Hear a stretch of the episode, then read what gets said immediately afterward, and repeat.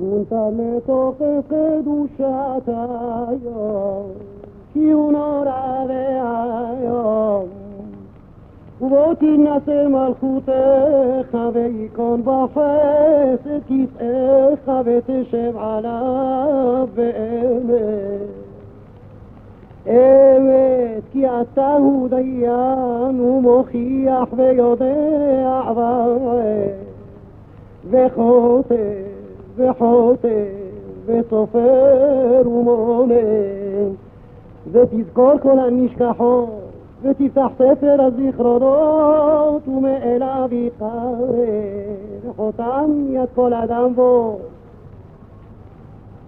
ושופר גדול יצעקה וכל דממדך ישמע ומלאכים יחפזון וחירור עדה יאחזון יאמרו הנה זה יום הדין לבכות כל דבר מרום לדין כי לא יזכו בערך הבדין וכל באי עולם אומרים לפניך כברי מרון כבקרת רועה עדרו ומעביר צונו תחת שבטו קח תעביר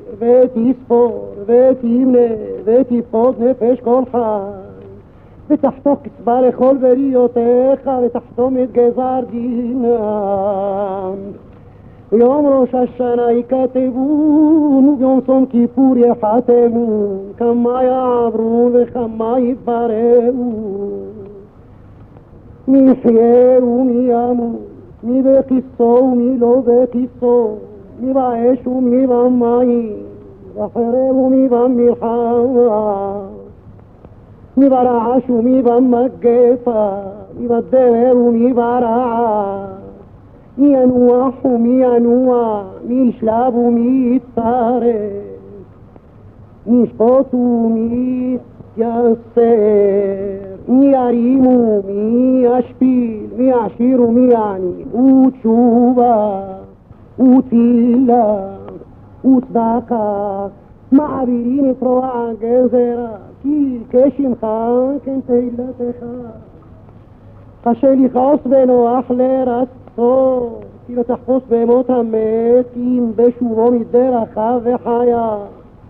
ועד יום מותו אתה תחכה לו, אם ישוב מיד תקבלו. אמת, אתה הוא יותרם ויודע יתרם. כי הם בשר ודם, אדם יסודו מעפר וסופו לעפר, ונפשו יביא לחור.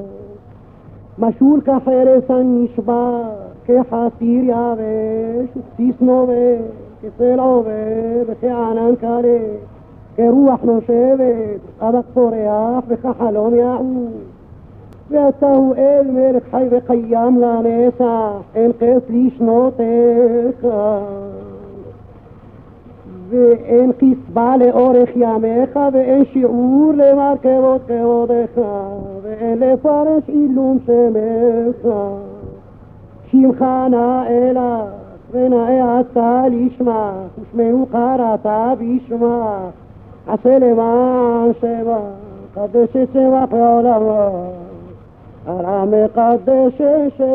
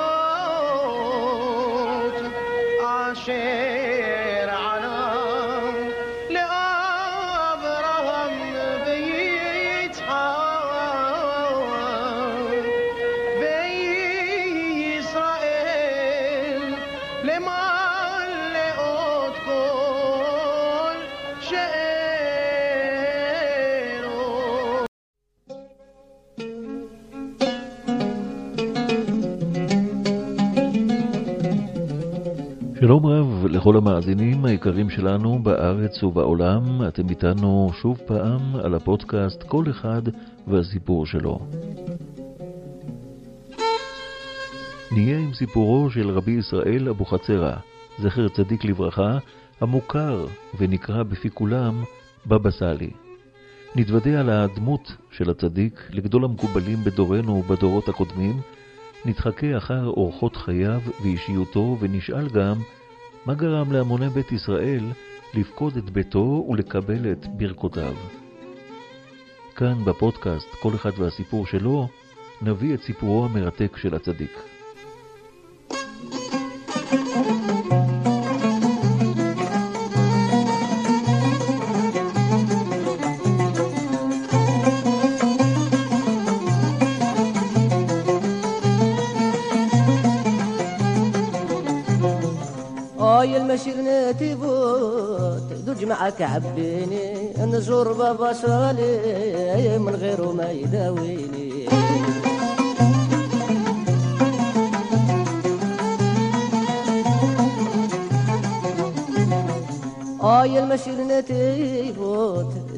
دج معك عبيني أو نزور بابا صالي من غيره ما يداويني.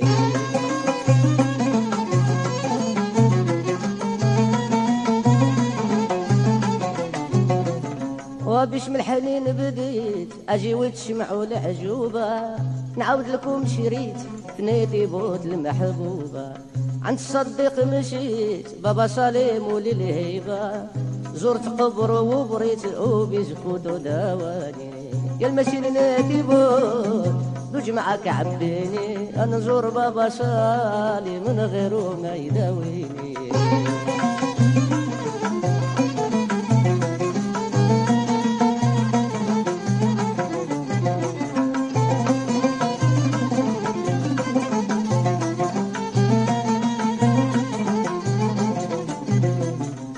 عجيب الصديق خزيرة مشهورة ماليها قياس. كان يعبد غير الصورة بزفوتها هكا يبر الناس. الإيمونة عنده كبيرة دوا غير الماء في الكاس تسديك مولاد بوحصيرة بابا صالي نور عياني.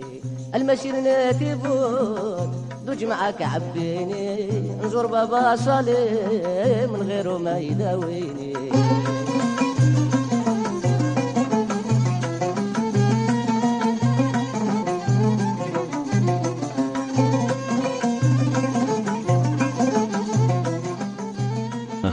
יחד עם אה, דוקטור משה דורון דנינו, הוא מרצה בכיר באוניברסיטת בר אילן, והוא מומחה וחוקר את הזהות הספרדית ועיירות הפיתוח במדינת ישראל. קווים כלליים על דמותו של הצדיק, איפה הכל מתחיל?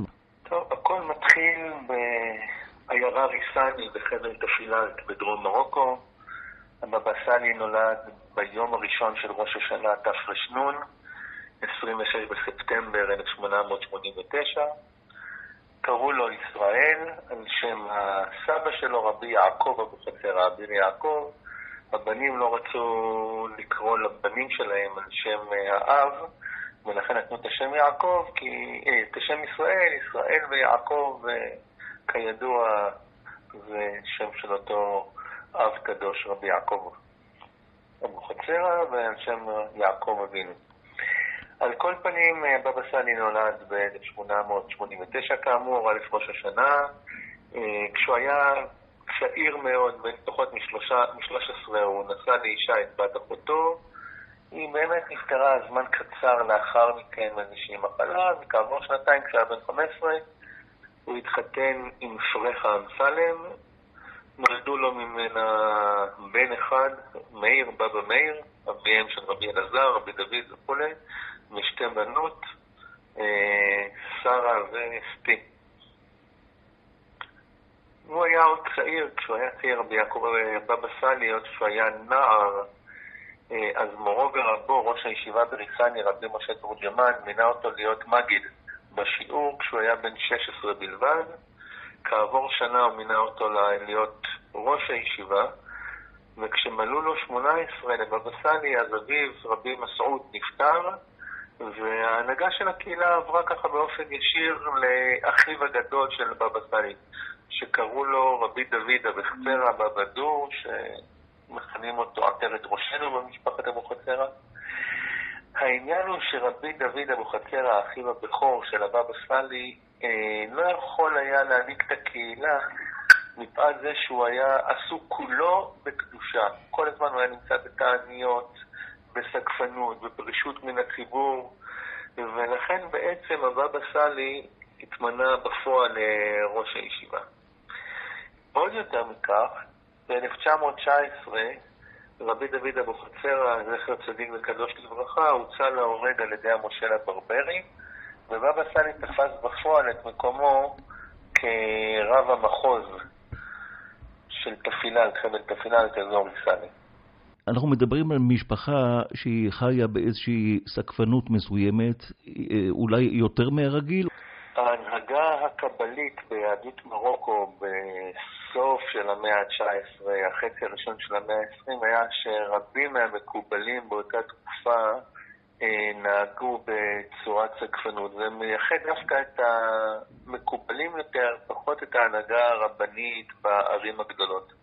ובעיקר בעיירות ובכפרים, הדרך הסקפנית של המקובלים. יש לנו חבורה שלמה באותו הדור של אה, תחילת המאה ה-20, של סקפנים אה, גדולים כמו רבי שלמה בן חמו, שהיה בחבל מוגמז' והוא היה סקפן גדול עם תלמידיו, וגם הוא עצמותיו הועלו לארץ בשנות האלפיים. וחבורה כזו של סגפנים, של רבנים שהסתפקו במועט, רבי יעקב אבוחצירא עצמו גם כן היה מסתגף, אוכל במועט. על רבי מסעוד אה, דווקא היה יותר בהנהגה הרבנית, אבל בין בניו של אה, רבי מסעוד, בבא סאלי, התחיל את חייו אה, באמת כאדם שעוסק בקדושה. עוד כשהוא היה ילד, אביו אמר לו, בוא תהיה בתוך חברה קדישא, כי הוא היה בן תשע.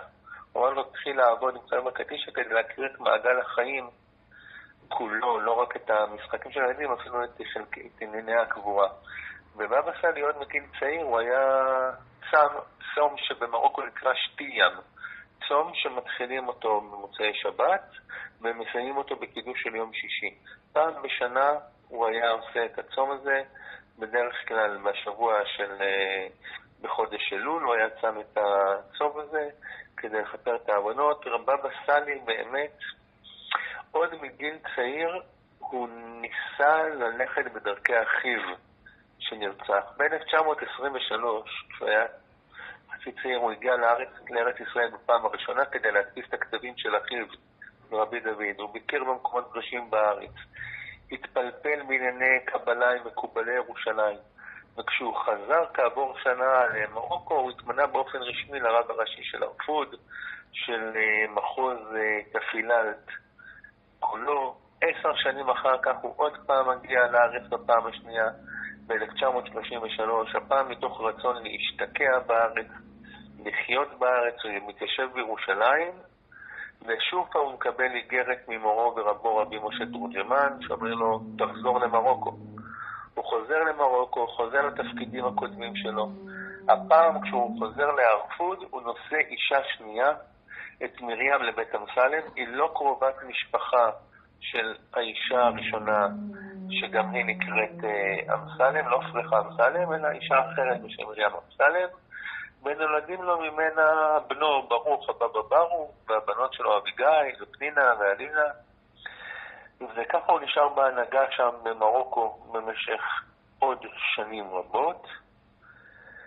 ואנחנו מגיעים כעבור עשר שנים נוספות, כמה, לאחר קום המדינה, אחיו הצעיר הבבא חכי עולה לארץ, מתמנה לרב של רמלה, חבר מועצות הרבנים הארצית, ובעקבותיו גם הרב בסני מחליט לעלות לארץ. הוא ממנה בתשי"א, ב-51, את בנו רבי מאיר לעמוד בראש הישיבה, להיות הרב של הרפוד, והוא עולה עם רעייתו ועם ילדיו לארץ. כעבור עשרה חודשים הוא יורד באופן מפתיע לצרפת, שם הוא חי בבית תלמידו יחיא שטרית עשרה חודשים, וחוזר לארץ בתשי"ג, 53. הוא נמצא קצת בירושלים ומחליט שוב פעם לחזור למרוקו. הוא כנראה מחליט לחזור למרוקו, ההשערה היא שבבא סאלי עוזב את הארץ, כי חכמי ארץ ישראל לחצו עליו לקבל את משרת הראשון לציון, שהתפנתה לאחר מותו של הרב בן ציון מאיר חי עוזיאל, זכר צדיק וקדוש לברכה.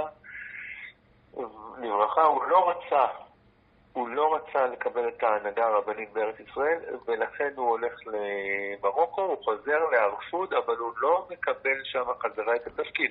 דוקטור דנילו, מה הסיבה שהוא לא מקבל את תפקיד הראשון לציון, הרב הראשי לישראל? הוא לא רוצה לקבל את התפקיד הזה. הבבא סאלי עוסק במיוחד, ולאחר שהוא הגיע לארץ, ב-1953, כשהוא נמצא בארץ, הוא כבר בן, הוא כבר בן, ארבע, בן 64. לא בחור צעיר, מה שנקרא, הוא בן 64, ההנהגה של ראש ישיבה וההנהגה של, אה, של רבנות כבר נמצאת אצל הבן שלו כמה שנים, והוא יותר ויותר מתעמק בתורת הקבלה. והוא יודע שאם הוא יקבל הנהגה רבנית רשמית של רב ראשי, ראשון לציון בארץ, זה המון טקסים וזה המון ממלכתיות אה, עם בן גוריון ראש הממשלה, ולהשתתף בכל מיני טקסים, ולהיות בצורה דיפלומטית עם כל מיני, וזה לא מתאים לעולם הרוחני שלו. הוא רוצה להקדיש את כל כולו לשתי משימות עיקריות. משימה אחת של לימוד קבלה, אבל המשימה השנייה היא הרבה יותר חשובה מבחינתו. כשבבא סאלי היה צעיר, התגלה אליו בחלום הסבא שלו, אביר יעקב, ואמר לו משפט קצר, בך יברך ישראל. ואתה, רבי ישראל אבוחצירא, צריך לברך את עם ישראל. זאת המשימה הראשונה שלך בחיים. לברך את עם ישראל, כי הברכות שלך יתקבלו אצל הקדוש ברוך הוא. ולכן כל מה שעליך, לא כל מה שעליך לעשות, אבל משימה חשובה מאוד שלך היא לקבל ברכות. ולכן הבבא סאלי, כשהוא נמצא בארץ, כשהוא חוזר לארץ, רבים מיהודי מרוקו פונים אליו שיברך אותם.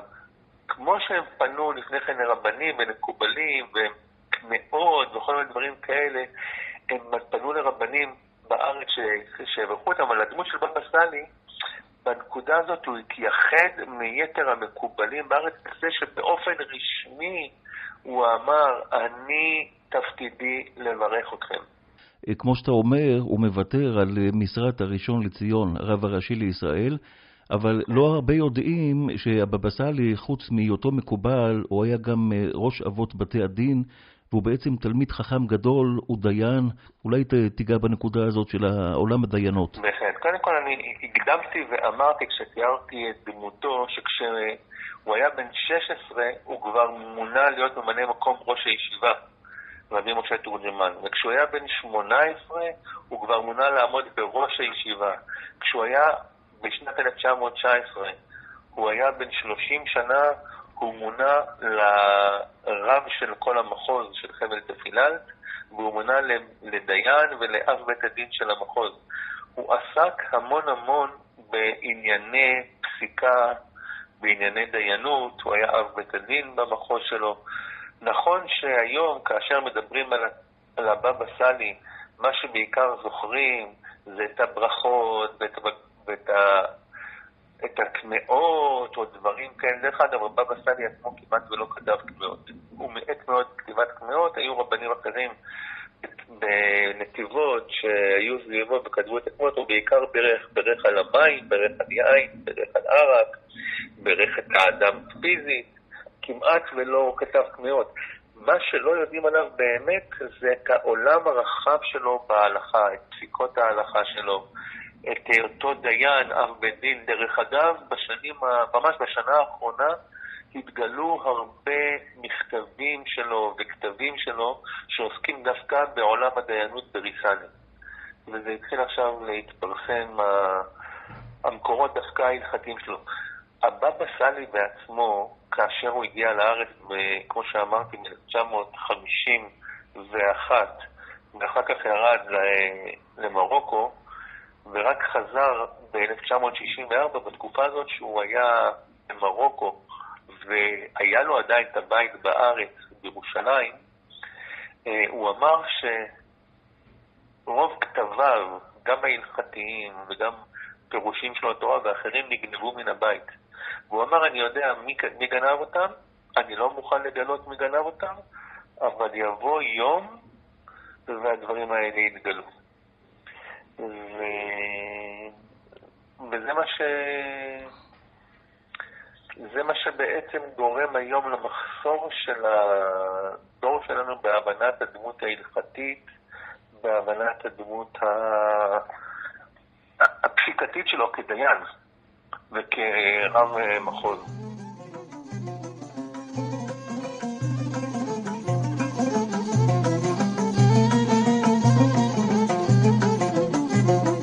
أسمعوني الشموج خوت صفات المقبولة بيت كنسيتها آري كانت شبعينة عم مقفولة. اللي كان يدخل كان يموت جاب باصالي وحلها يجي المشي حب الجيخوت تصدق نور عياني.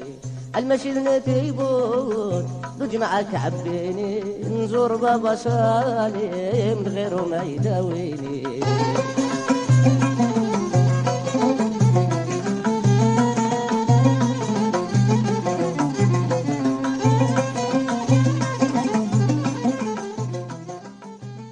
שקראנו, הוא הגיע לדירת אה, שיכון קטנה של אה, עמידר, והוא חי ממש בצניעות. הבבא סאלי, אה, כשהוא הגיע לארץ, קודם כל הוא היה ביבנה. הוא היה בדירת שיכון קטנה ביבנה, שם הייתה גרה בתו וחתנו, חתנו זה בבא הנה, היה גם אחיין שלו, הבן של הבבא חכי. ולאחר uh, כמה שנים במעטות ביבנה הוא עבר לשנתיים לאשקלון, גם כן לבית קטן, פשוט, ולאחר מכן הוא הגיע לנתיבות. כשהוא הגיע לנתיבות, מי שהביא אותו לנתיבות היה ראש המועצה בעזתה, אז רבי שלום אה, דנינו, זיכרונו לברכה, הביא אותו לנתיבות והוא קיבל בית צנוע בנתיבות. מה זה אומר בית צנוע? בבתי השיכון הקטנים האלה של עמידר, הוא קיבל מפאת מעמדו וכבודו, הוא קיבל שתי דירות קטנות, צמודות זו לזו, בדירה אחת הוא גר עם אשתו והילדים, בדירה השנייה הוא קיבל את האורחים. אני מדבר איתך על משהו בסדר גודל של 50 מטר. אנחנו מדברים על הבניינים, מה שקוראים להם הרכבות. הרכבות, בדיוק. כן. בבתי הרכבות האלה הוא מקבל שתי דירות קטנות צמודות, לא מגיעים ל-100 מטר. כן, רק להזכיר למאזינים, בזמנו משפחה שהייתה מעל שישה נפשות, קיבלו אה, שני דירות כאלה קטנות. הדירות האלה היו בדרך כלל של 45 מטר קטנות, 54 או 62. ומשפחות גדולות, מרובות ילדים, ברוכות ילדים, היו קונים שתי דירות קטנות של 45 ומחברים להם אותם. וזה מה שהוא קיבל. באמת חי בצניעות, גם כשהוא היה, הוא היה ישן על, קראו לזה אז, מיטה של הסוכנות. את המיטה, קפיצים כזאת, עם מזרון אה, עבה, והוא היה הרבה פעמים באותו סלון הוא היה נשאר לנון, הוא היה חשב שאין צורך ב... כמובן במותרות או ברכבים, כשהוא היה צריך להתנהל ממקום למקום, אז אחד המשמשים שלו היה לוקח רכב ומסיע אותו, הוא גם כמובן לא החזיק רכב משל עצמו עד למותו וכדומה, אלא המשמשים שלו הסיעו אותו ממקום למקום. כן, דוקטור דנינו, רציתי ברשותך אה, לגעת בעניין המאפיין של הסיפורים שלו. מבין סיפורי מופתים, אני אוהב דווקא אה, סיפור אחד מאוד מעניין, כי הוא מסופר על ידי אחד אה, עיתונאי לא דתי, שהיה אחד מגדולי המבקרים, מבקרים כאילו מלשון ביקורת, כן. של תופעת המקובלים והבבות, כמו שהוא ניסה לקרוא להם. והוא ניסה כל הזמן להוכיח שאין בדברים הללו אמת, ודווקא הסיפור שהוא מספר זה מצביע על הגדולה של הבבא סאלי.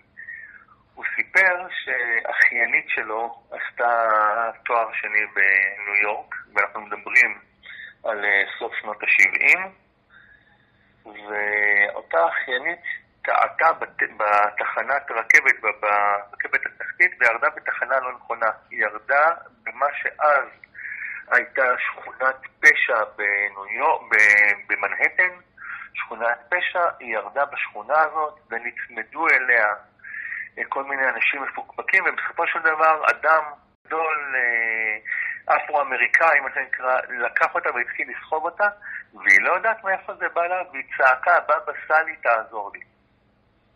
ובאותה שנייה הגיעו שני שוטרים וחילצו אותה מידיו של אותו אדם.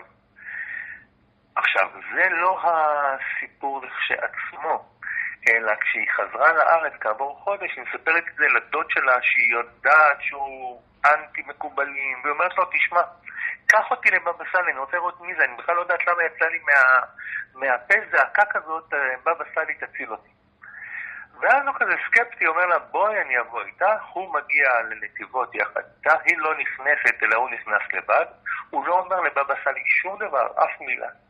הוא נכנס לבבא סאלי, בבא סאלי מרים את אליו אליו ואומר לו, תגיד לבחורה הצעירה שנמצאת בחוץ שבאה איתך, שהזעקה שלה באמריקה העירה אותי, ואני הערתי את uh, המלאכים להגן עליה.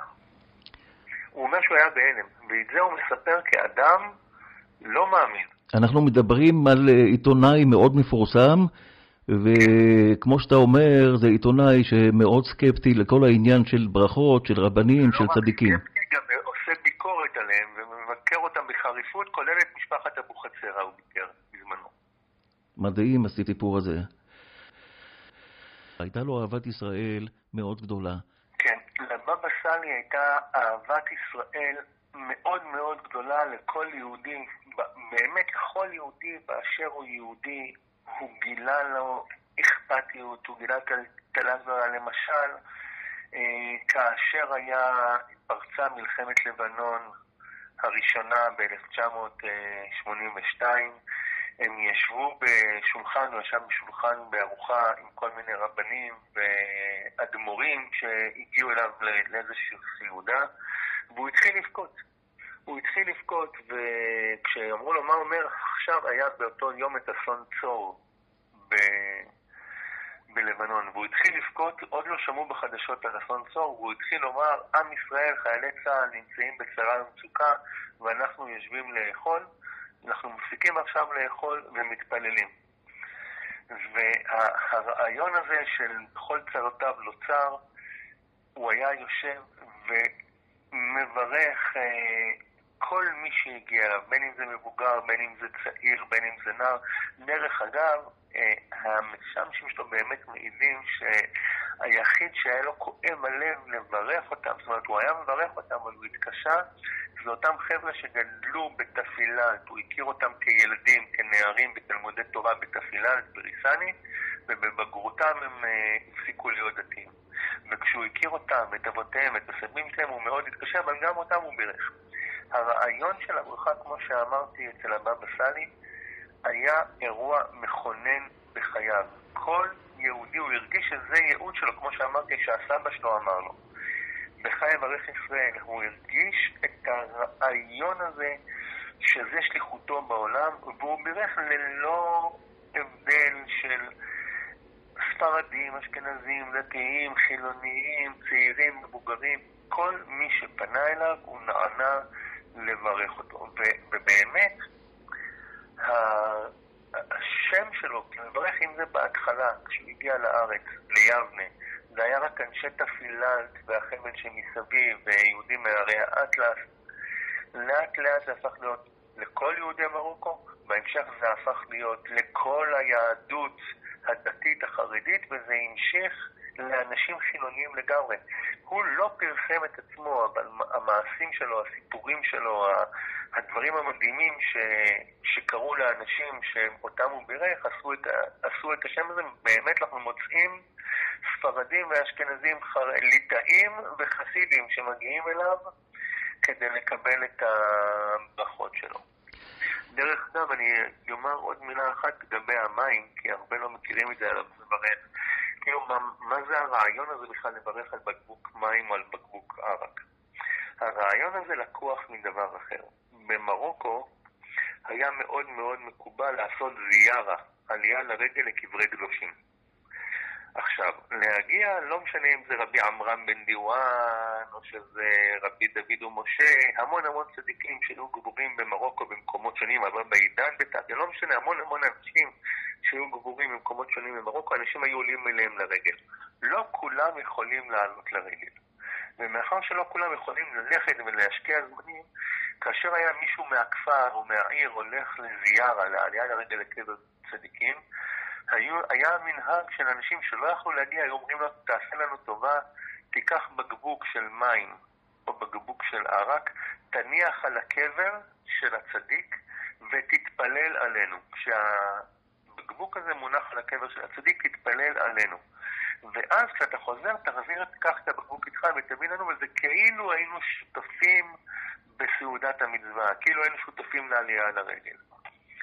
על אותו משקל בארץ, אנשים שהגיעו לבבא סאלי, לא כולם בשנות ה-60 וה-70 יכלו להגיע מחצור הגלילית לנתיבות. יום שלם. במיוחד אם אתה מבוגר, או איש מבוגר, או אישה מבוגרת.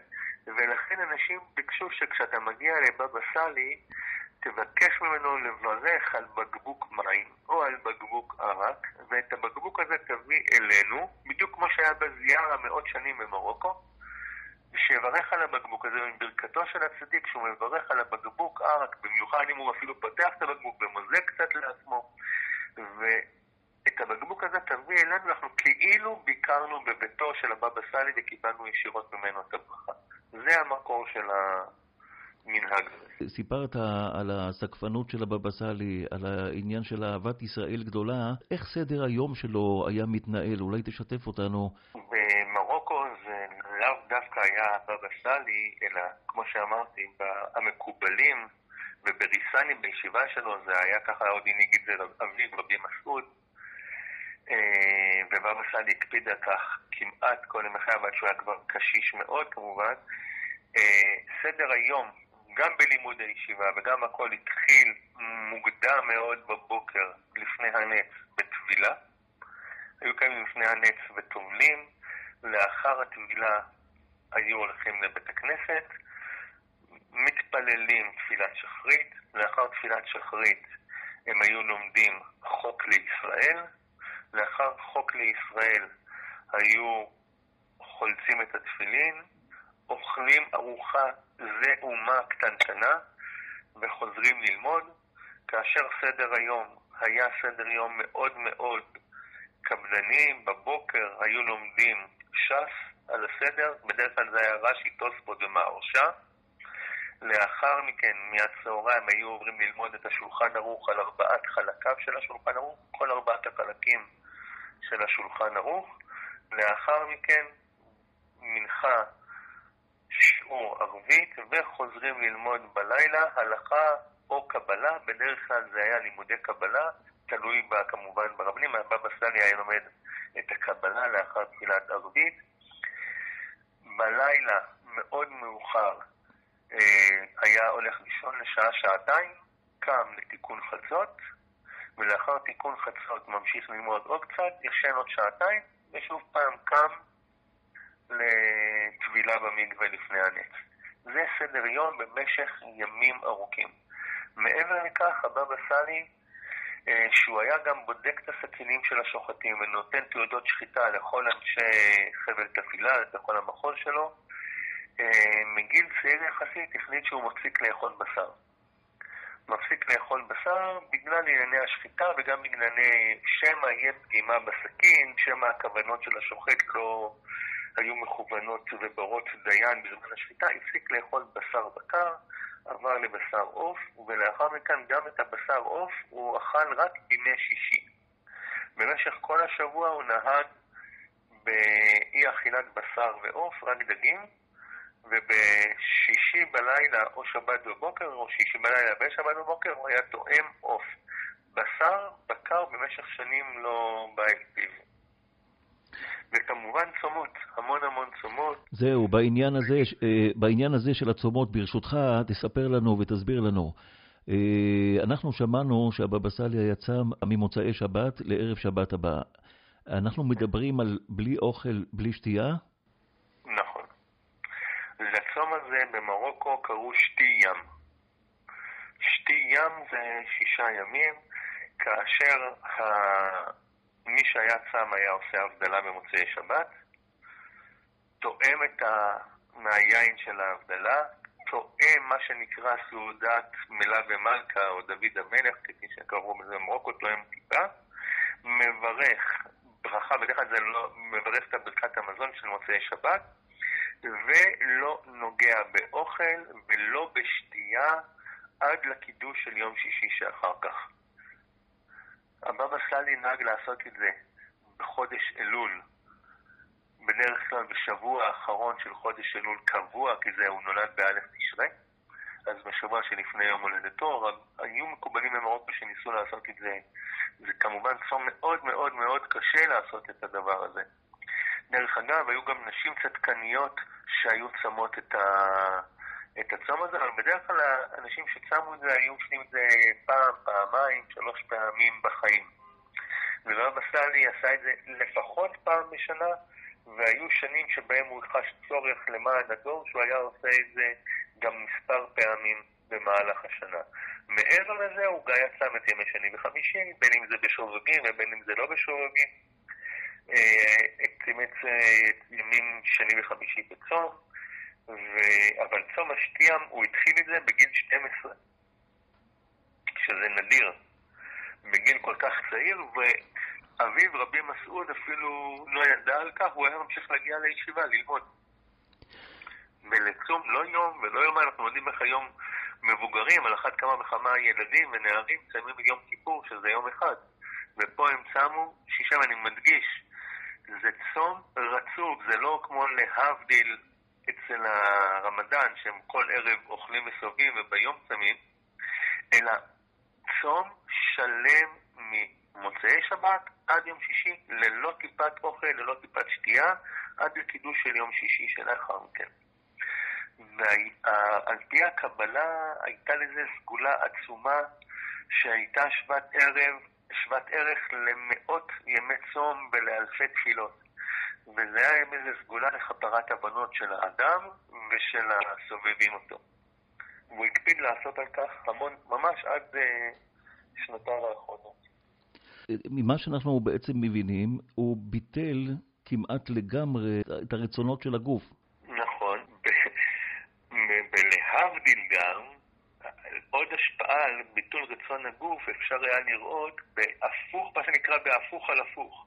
כשהיו באים אליו אנשים, בעיקר מכובדים, כשהיו המון אנשים היו באים, היו מקבלים ברכה והולכים, אבל הרבה פעמים גם הגיעו אליו אדמו"רים וגדולי ישראל וחכמי ישראל היו מגיעים אליו אה, לסעודות, והיה משרת אותם בעצמו, היה מגיש, היו לו, היו מביאים לו לשולחן את העופות ואת הבשרים שהוא אישית כמעט לא היה נגיע, אבל הוא היה מביא את זה לצלחת לכל אחד ואחד, בין אם זה היו אדמו"רים אשכנזים, בין אם זה היו רבים ליטאים, בין אם זה היו חכמי הספרדים, ואפילו אנשים, אה, נגיד, אה, שרים חשובים. והוא היה מגיש להם לצלחת שלהם בידיים שלו את האוכל. הוא לא היה אוכל, אבל עם כל אחד הוא היה שותה כוסית ערק, ולפעמים כוס ערק שלמה, הוא היה יכול לשתות הרבה ולא חש כי בא אל קרבו. הוא היה צלול בדברי תורה, בחדות, ובדרך כלל כולנו יודעים, כאשר בן אדם שותה קצת ולא אכל כלום, שזה יכול להשפיע. וכאילו שתה מים. הלחיים שהיה עושה איתם, הוא היה נשאר בצניעות, הוא אומר, אין לזה נפקא מינה. מי ש...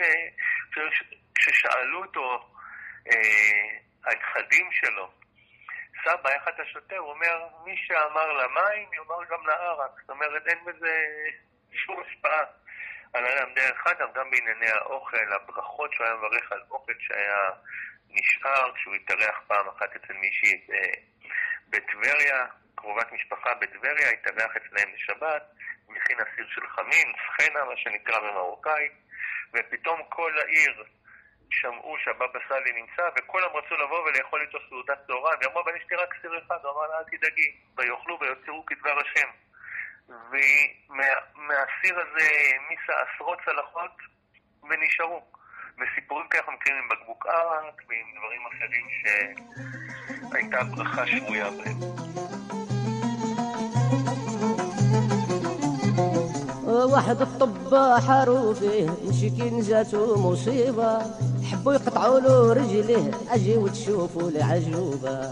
بابا صلي صرت عليه قال له ترجع بيت الشوبة قام كاي يشطح على رجليه ويقول الصدق دواني.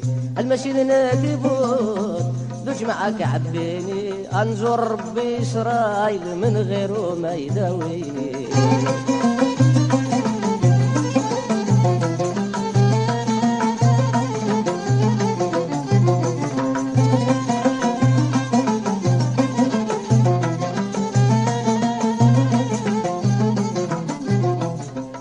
واحد لولية بلا صغار جات الصديق في ليلة دخلت لعنده للدار كاتبكي كي الهبيلة شاف دموعها كيلومتر عيا ما صاب لا حيلة. قال شوية شد الصبر سير بحالك هذه الليلة. برحل الشليح واحد النهار قال له سير بلا تعطيلة. كلها ماش تولد زوجة الصغار عام اخر عندها الميلة. ولدت جوج وليدات وبيسكوت بابا صالي يطلق حجام الوليات يفرحهم مولانا العالي. المشير نادي بوت دوج معاك عبيني انزور بابا صالي من غيره ما يداويني.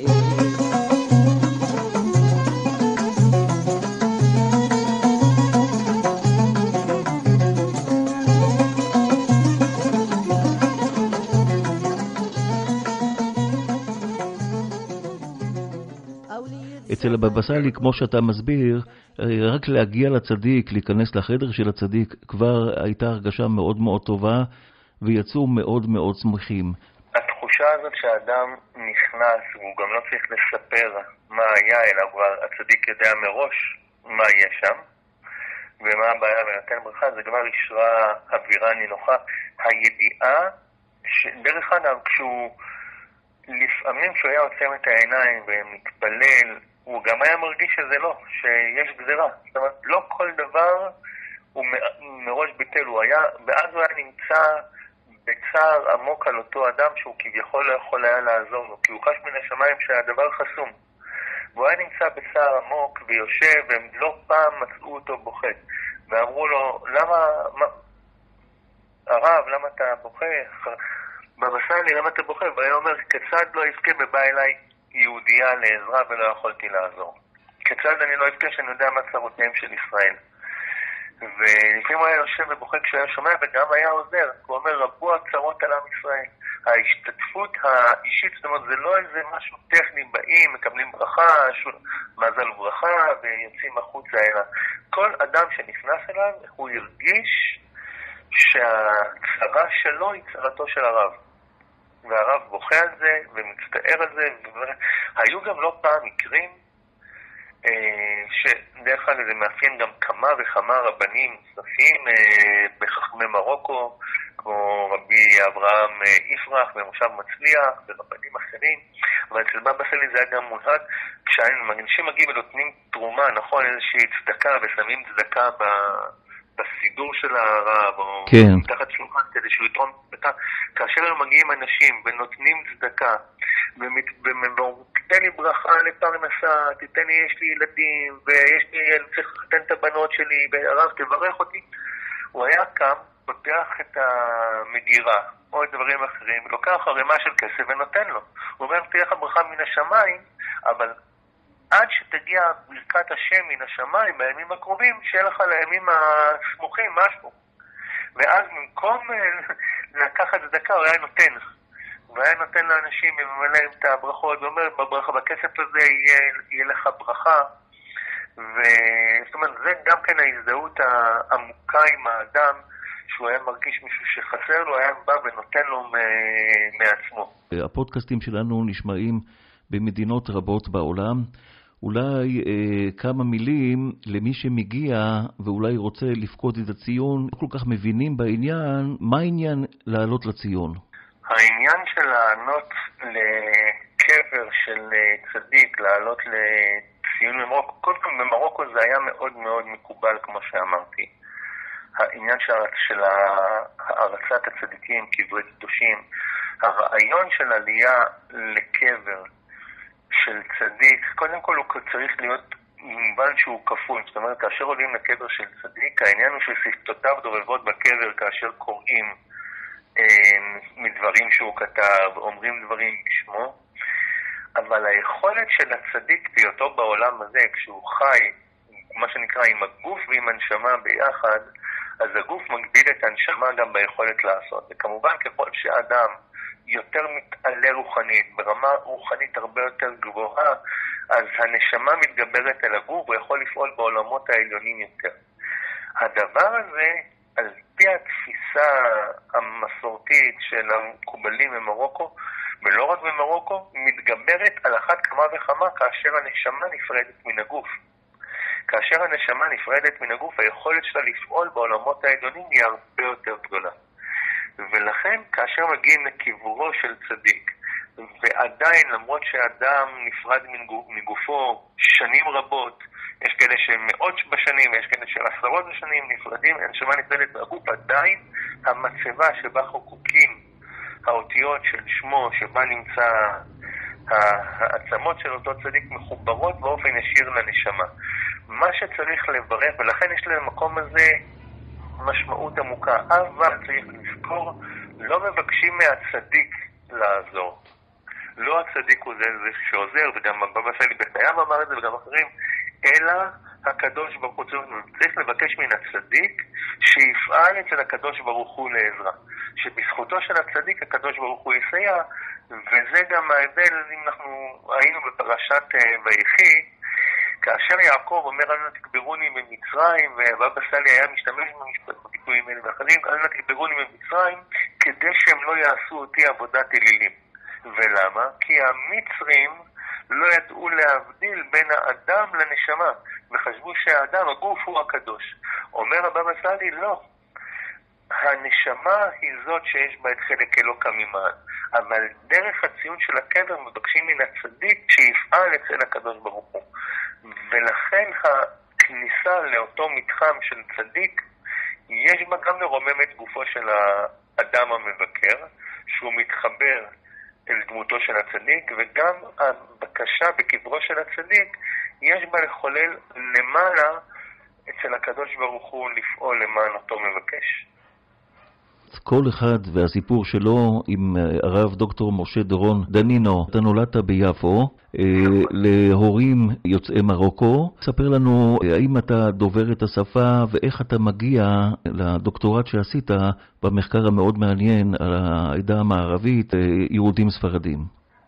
קודם כל נולדתי אכן ביפו לרבי אליהו דנינו ועליזה דנינו בתו של הרב אברהם מצד אבי, ההורים שלי משנות ה-50, אני נולדתי ביפו, אני דובר את השפה המרוקאית כמעט ברמה של שפת אם. אני נולדתי למשפחה של מקובלים, דורות של מקובלים, משפחת דנינו. אנחנו, השושלת שלנו גם מפורסמת בפני עצמה, גם מתפרסם על זה ב... בעיתונות, ואפשר למצוא את זה בחיפוש קטן בגוגל. אנחנו מחזיקים בשושלת ארוכה של רבנים. אה, אני דור 28 לרמב"ם, רבי משה בן מימון, דור אחר דור 28, דור 28, 28 רבנים דור אחר דור לרבן, מאב לבן. אה, במשפחה שלנו יש לנו גם קשרים הדוקים יחסית עם משפחת אבוחצירא. הסבא רבא של סבא שלי קראו לו רבי ישועה דנינו, והוא הסמיך לרבנות את אביר יעקב, את רבי יעקב אבוחצירא. הוא הסמיך לרבנות את אה, רבי יעקב אבוחצירא.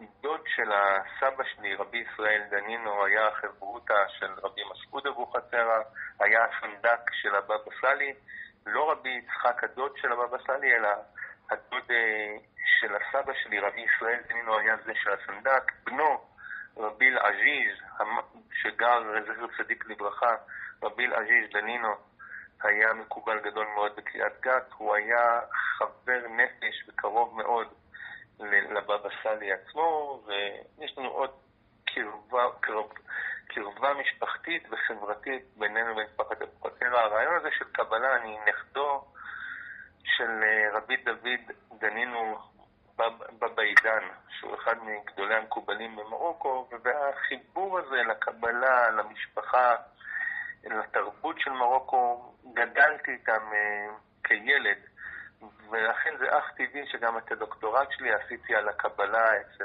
חכמי הספרדים, אצל מרוקו, אצל הספרדים וגם קהילות ספרדיות, ו...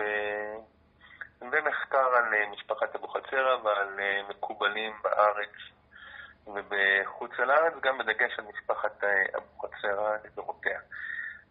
זה עניין ש, שמגיע עוד בשנים שבהם אני למדתי אה, במוסדות, גם של חלקם האשכנזים, אבל תמיד השורש הספרדי היה מאוד אה, חזק אצלי. אני זוכר אפילו כשלמדתי בישיבת תל אביב, בתל אביב, במבחנים בהלכה, אז כשהיו אומרים מה ההלכה אומרת בזה, אני למדתי והבאתי את פסקת חכמי מרוקו, והייתי מצטט פסיקה של רבי יוסף מסעס ורבי שלום מסעס, כשהרבנים לא הבינו על מה אני מדבר אז, בשנות ה-80, באמצע שנות ה-80, על מה אני מדבר, אבל כי הרוח הספרדית באמת בערה בי, גם כדוגמה מהבית, אבי ודודי היו במועצה הדתית בתל אביב שנים רבות, זיכרונם לברכה, וחיי הרוח לא היו זרים, והסיפורים על צדיקים זה היה חלק ממתכונת משפחתית ארוכת שנים.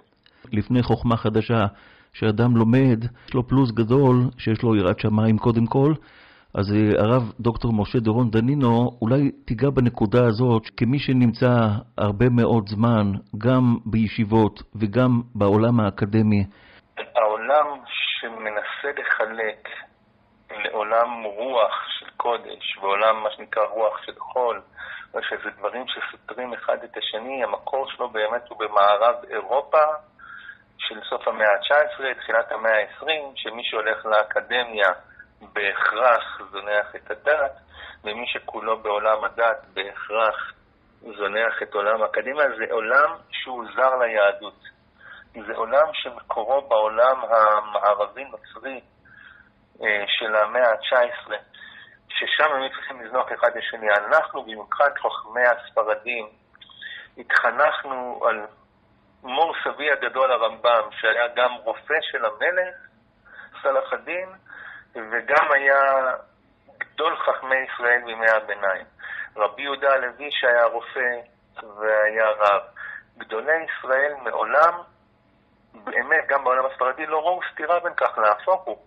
ככל שאתה גם חוקר יותר של המדע, בין אם זה פיזיקה ובין אם זה מדעי החיים של ביולוגיה או דברים אחרים, ככל שאתה חוקר יותר, אתה יותר מגלה כי יד השם הייתה שם. ואתה מגלה שההנהגה הרוחנית של האדם היא משלימה לו את הידע האקדמי שלו. והדברים האלה הולכים יחד, כאשר אתה מגיע מתוך אמונה, אתה חוקר את הדברים לא כמו שאנשים חושבים, אם יש לך אמונה, אז אתה לא אובייקטיבי. גם בהפוך, כאשר אין לך אמונה בכלל, אתה גם לא אובייקטיבי. אתה מסרב מהעיניים האחרות לראות כמו סיפורים מופתים, ואתה לא מוכן לקבל את האמת ממי שאמרה, אלא אתה אומר, לא, יש בזה משהו אחר. השלמות של האדם, כשהוא בא שלם, באמונה בקדוש ברוך הוא, וגם כל אשר עשה הקדוש ברוך הוא, לא לטה הוא עשה אלא לשבת יצרה, ואתה אומר, הקדוש ברוך הוא ברא את העולם הזה על כל חלקיו, זאת הגדולה של ה... גם של המחקר האקדמי, לבוא מתוך ענווה. ככל שאני יודע, אני יודע כמה אני לא יודע, כי הקדוש ברוך הוא יודע את הכל. ואז כאשר אתה יותר חוקר, אתה יותר מגלה בכל התחומים את יד השם שנמצאת בכל דבר. תודה רבה, הרב דוקטור משה דורון דנינו, על השיחה המאלפת הזאת. אנחנו מברכים אותך בכל הברכות, זכות הצדיק, רבי ישראל אבוחצירא, תגן עד כל ישראל. אמן, תודה רבה, כל טוב. שוב תודה לרב דוקטור דורון דנינו ולכל העוסקים במלאכה. מאזינים יקרים, האזינו לפודקאסטים נוספים בסדרה כנגד כל הסיכויים, הסיפורים, הניסים והמופתים שחולל הצדיק רבי ישראל אבוחצירא, הבבא סאלי. בפודקאסט הבא. اي المشير تيفوت دوج معك عبيني نزور بابا صالي من غيره ما يداويني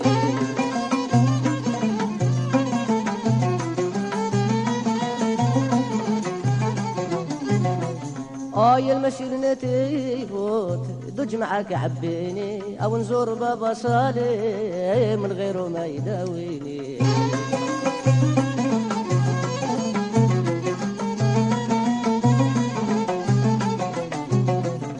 وبش من الحنين بديت أجي وتشمعوا العجوبة.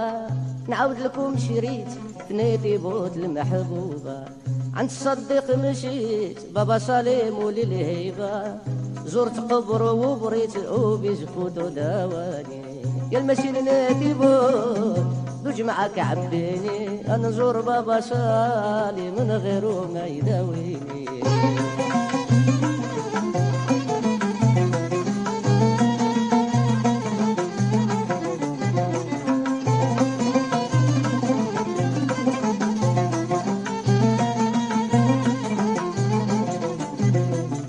وعجيب الصديق خزيرة مشهورة ما ليها قياس. كان يعبد غير التورة بزخوته هكا يبر الناس. الإيمونة عنده كبيرة دوا غير الماء في الكاس تسديك مولاد بو حصيرة بابا صالي نور عياني. المشير ناتي بود دوج معاك عبيني نزور بابا صالي من غيره ما يداويني.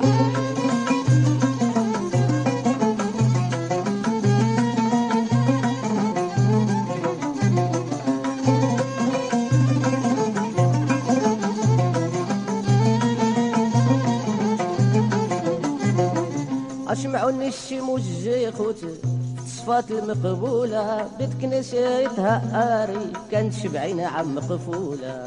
اللي كان يدخل كان يموت جا بابا صالي وحلها يجي المشيح بالزيخوت تصدق نور عياني. المشي نتيبوت دوج معاك عبيني نزور بابا صالي من غيره ما يداويني.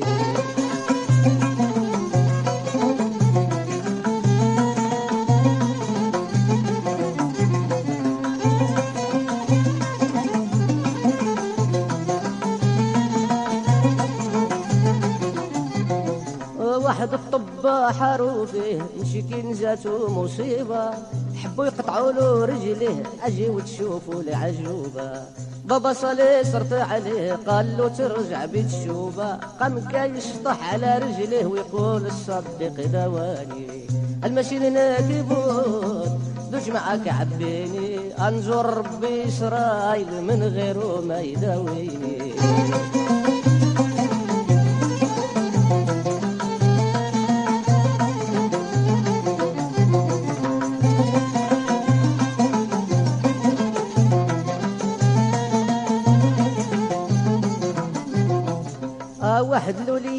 صغار جات الصديق في ليلة. دخلت لعنده للدار كاتبكي كي الهبيلة شاف دموعها كيلو مطار عيا ما صاب لا حيلة. قال شوية شد الصبر سير بحالك هذه الليلة. برحل الشليح واحد النهار قال له سير بلا تعطيلة قلها ماش تولد زوج الصغار عام اخر عندها الميلة. ولدت جوج وليدات وبيسكوت بابا صالي يطلق حجام الوليات يفرحهم مولانا العالي. المشير نادي بوت دوج معاك عبيني. انزور بابا صالي من غيره ما يداويني.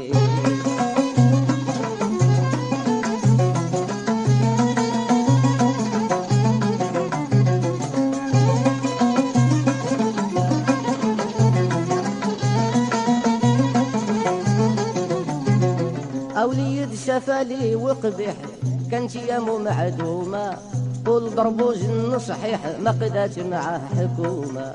بركو سيدنا ردو مليح رجع بيت شوبا شنيمة فلي شبا ولا كايشيح بابا صالي دواني. المشير نتيبوت بجمعك عبيني أنزور بابا صالي من غيره ما يهنيني.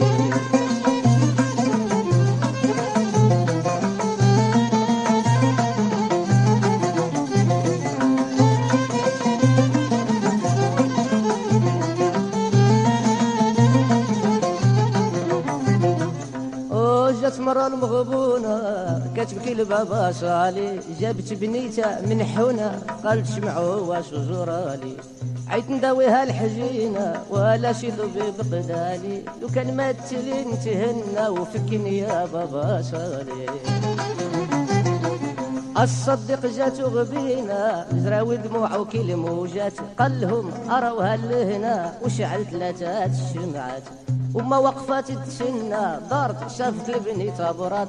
بالفرحة طاحت تغشات وتشغرت على بابا صالي هيا المشي اللي تيبوت دوج معاك عبيني نزور بابا صالي من غيره ما يداويني.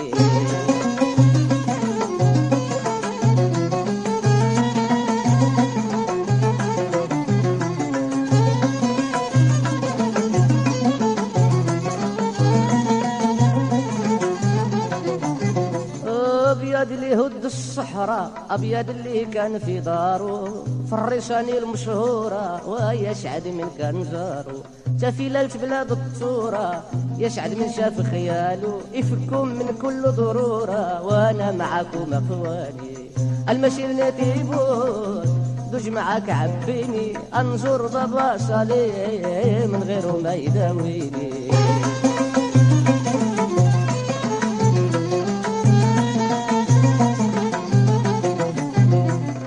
مطع الحخم عالي شيرو عنده بالنية. ربي بارو خلد بابا صالي حاجتك عنده مقدية يحضيه مولانا العالي يفكو منك البلية يكون خلفت بوه الغالي بابا صالي نور عياني المشير ناديبون دوج معاك عبيني. أو نزور بابا صالي من غيره ما يداويني.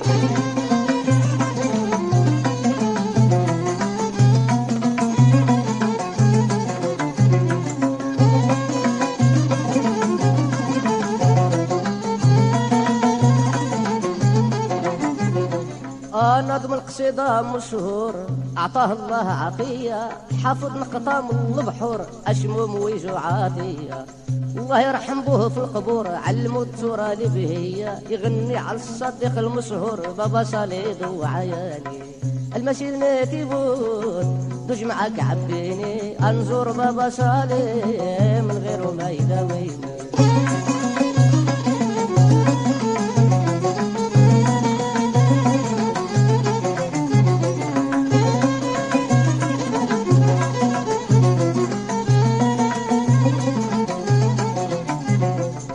دالت بصفتي احضر ذاك النهار الهلولة. نتيبوت قمت سافر راه طلبتك مقبولة. بالعود نغايم لوتر عاد فرحة مكمولة. نفرحوا بالصديق المختار بابا صليد وعياني المشي نتيبوت ضج معاك عبيني. نزور بابا صلي من غيره ما يداويني. قدوا البطورة ومعاشم يا لا لا لا لا. قملوا ما تبني الشب يا لا لا لا لا. بينا بنتي بوت خامشم يا لا لا لا لا. زخارب أبو حصيرة وترت لا لا.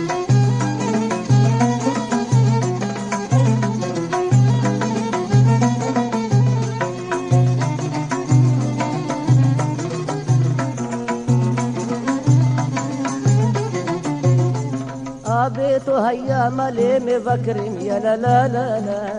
استمع مخاب طيرم يا لا لا لا لا. ات بركته مبكشم يا لا لا لا لا. شيت سيلم السرا وترات لا لا.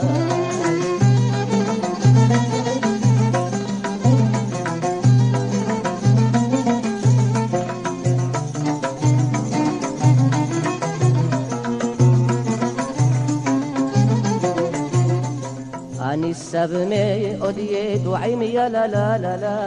عوني لخولها عقومي يا لا لا لا لا. وملاليم قميت وميم يا لا لا لا لا. ربي أبو حصيرة وتراتي لا لا.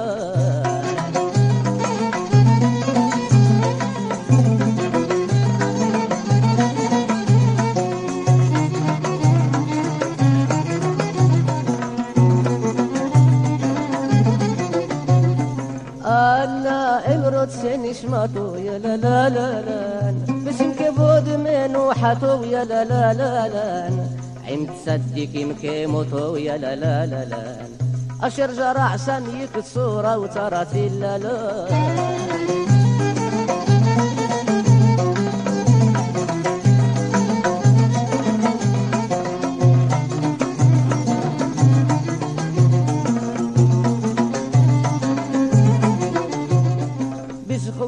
إلي تسيلن ويا لا لا لا لا. يا دبر عمي متحتن ويا لا لا لا لا. يا بلان ومشي حنو يا لا لا لا لا. بيمين وبمهرة بسخوت بابا صالح بخل مسبحة أبو حصيرة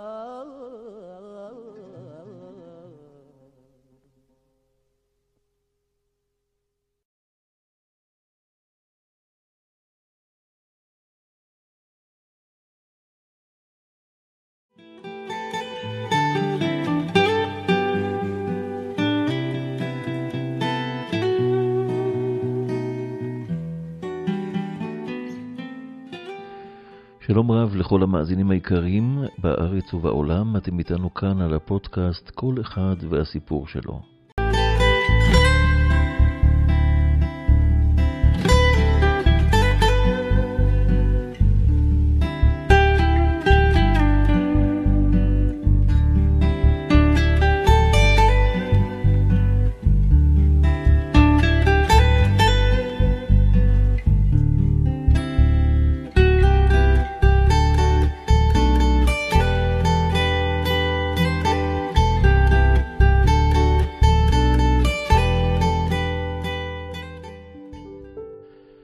באחד הימים נכנסה לבית רבנו הבבא סאלי משלחת שלמה והמתינה להיכנס לחדרו של הרב.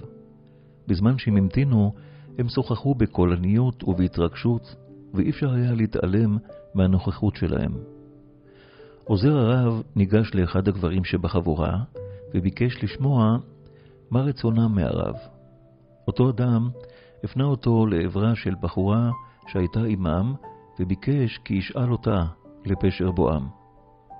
ניגש רבי אליהו אלפסי, עוזר הרב, לבחורה, ושוב חזר על השאלה. היא הביטה בו ושאלה, אתה לא זוכר אותי? ניסה המשרת של הרב להיזכר מניין הוא מכיר אותה ולא נזכר. הוא הודה כי הוא לא זוכר. הבחורה התחילה לצחוק ושבה לשאול, תנסה להיזכר, רבי אליהו. לאחר שאימץ את מוחו והשיב בשלילה, אמרה הבחורה, אתה זוכר שהגיעה לכאן לפני כשלושה חודשים בחורה לבקש את ברכת הרב? אז אותה בחורה הייתה רתוקה לכיסא גלגלים, ועכשיו, ברוך השם, עומדת על רגליה הבריאות. עוזר הרב נזכר מיד. שלושה חודשים קודם לכן הגיעה בחורה רתוקה על כיסא גלגלים והתחננה להיכנס לחדרו של הרב. זה כמה שנים היא סיפרה שהיא משותקת ברגליה ויוצאת ובאה בבית לוינשטיין ברעננה, והטובים שברופאים מטפלים בה, אולם לא מעניקים לה כל סיכוי להירפא. הסביר לה עוזר הרב כי לא תוכל להיכנס לחדרו של הרב, ועל פי בקשתה הוא קירב את כיסא הגלגלים לדלת החדר בכדי שתשמע את דברי הבבא סאלי. לאחר שהבבא סאלי שמע את סיפורה, הוא בירך אותה לרפואה שלמה. החולה החלה לבכות וביקשה מרבי אליהו כי ייכנס שוב אל הרב ויבקש ממנו שיבטיח לה שהיא תירפא. רבי אליהו לא יכול היה להשיב את בקשתה ריקם. הוא שב לחדר הרב וסיפר כי הבחורה יושבת בוכה ליד הדלת ומבקשת כי הרב יבטיח לה כי תירפא. רבנו שמע את הדברים, נטל בקבוק מים וביקש לומר לה כי תסוך רגליה מן המים. אני מבטיח לה שתירפא במהרה, אמר רבנו בקול רם, בכדי שהנערה תשמע מעבר לדלת. שמעה זאת הנערה, וביקשה מהמלווים שלה כי ישיבו אותה למכונית. בידה אחזה את בקבוק המים, ובעיניה נקבו דמעות. בני הבית השתתפו בצערה, אולם לאחר שעה קלה שכחו מן המעשה.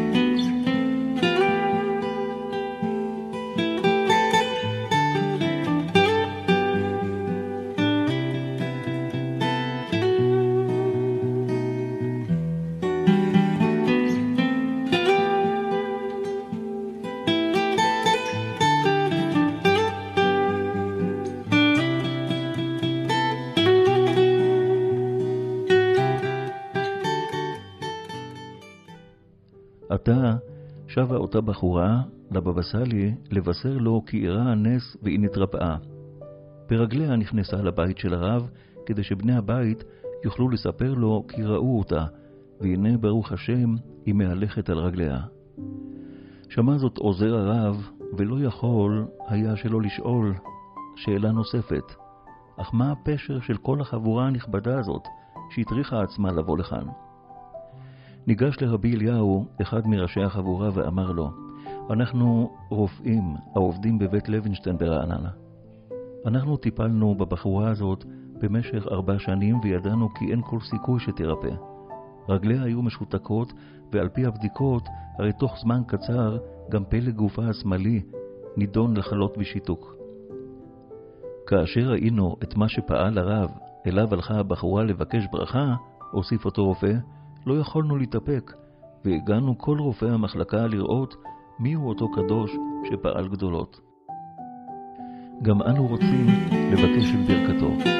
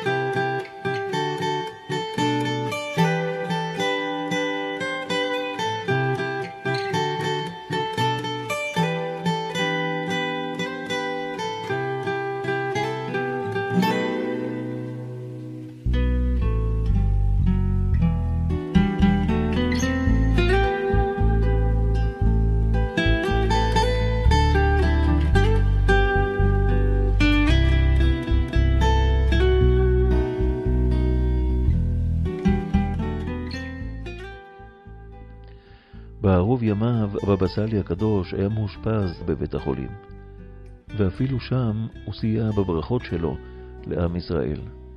מספר השמש שהיה לו לעזר באותה תקופה, כי יום אחד הבחין בו רופא, הרופא החזיק תינוק ביד, ושאל אותו היכן נמצא הצדיק. השמש של הבבא סאלי הוביל את הרופא והתינוק אל הצדיק. הרופא הניח את התינוק על רגליו של הבבא סאלי וביקש ממנו, כבוד הרב, התינוק הזה, הלב שלו כמעט גמור והוא בסכנת חיים. הוא נמצא המון פעמים בטיפול נמרץ. אנא, כבודו יברך אותו. הבבא סאלי שאל, עוד כמה זמן סוכות? והוסיף, תגיד לאבי הילד שבערב סוכות הוא יצא הביתה עם לב בריא. ואכן, בערב סוכות הרופא נדהם לגלות כי ליבו של התינוק נרפא בצורה ניסית, כאילו הושתל בו לב חדש.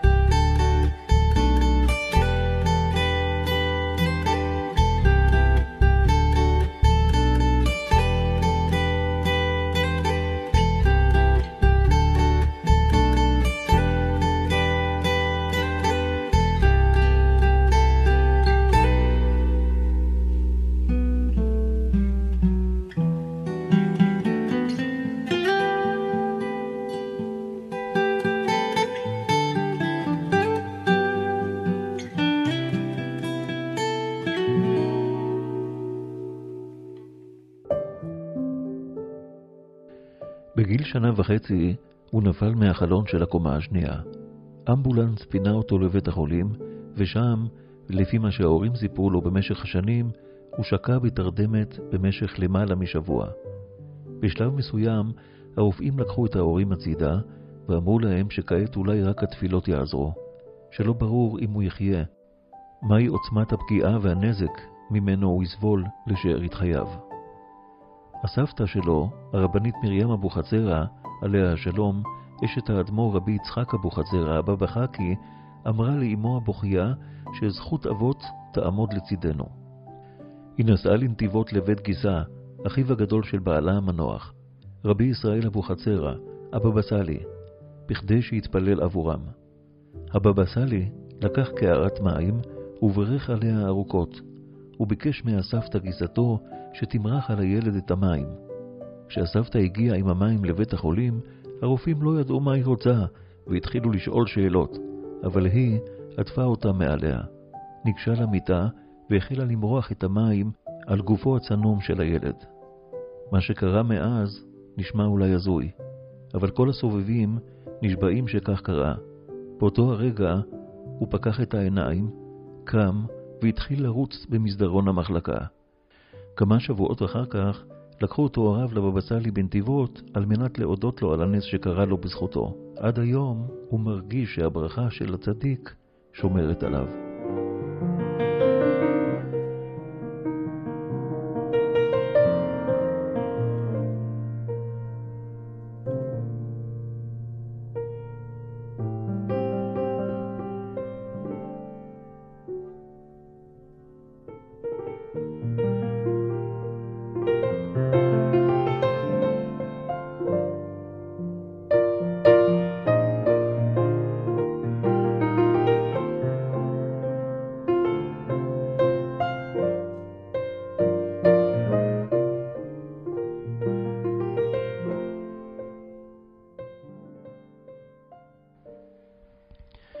כשבבא סאלי הגיע לצרפת, הוא היה מגיע לישיבה של חב"ד.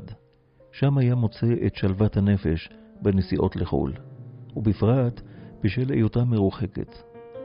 סיפור שפעם אחת, כשהגיע לאותה ישיבה, בבא סאלי היה כבר בן 74. הוא הגיע מנסיעה ארוכה ממרוקו לצרפת. עם ההגעה שלו, הוא מיד התמקם בחדר הקבוע שהכינו לו מראש, ומתוך סקרנות גדולה למעשיו ופועלו של הצדיק, החליטו בחורי הישיבה להעמיד שומר לפי תור מול הדלת. אותם השומרים היו מסתכלים דרך חור המנעול במהלך הלילות בהם שעה הצדיק, הבבא סאלי, בחדרו בישיבה. המחזה שנגלה אליהם לא נמחק מזיכרונם. כיצד יהודי זקן נוטש את המיטה המוצעת ומניח מחצלת על רצפת החדר. על הרצפה היה מתיישב ללמוד מתורת הנסתר אחרי עשר שעות של נסיעה רצופה. ולמרות טורח הדרך והנסיעה הארוכה, למד תורה ביגיעה תוך מיעוט הנאות ובקדושה נוראה, במשך שבע שעות רצופות, משמונה בערב ועד שלוש לפנות בוקר.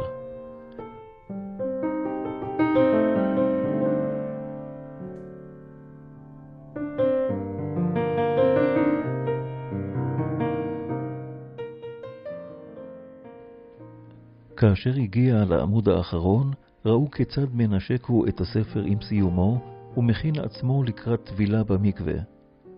השומר התורן, שהיה ליד האחור של המנעול, כבר התעייף, ומדי פעם נרדם, וביקש שיחליפו אותו. אותם השומרים, במרכאות הבחורים, סיפרו שלא ראו אותו מרים את העיניים מהספר במשך שעות רצופות. זה היה בבא סאלי.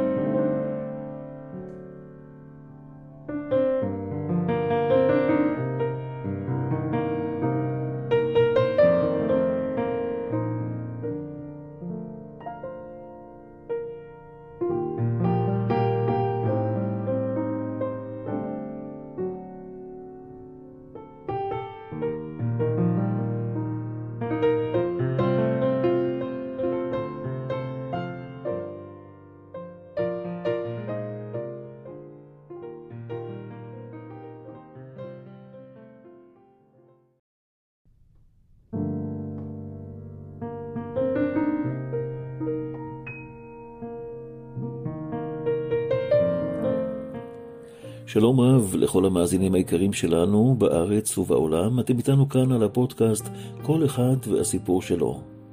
והפעם אנחנו עם סיפורו של רבי ישראל סלנטר, מחולל תנועת המוסר.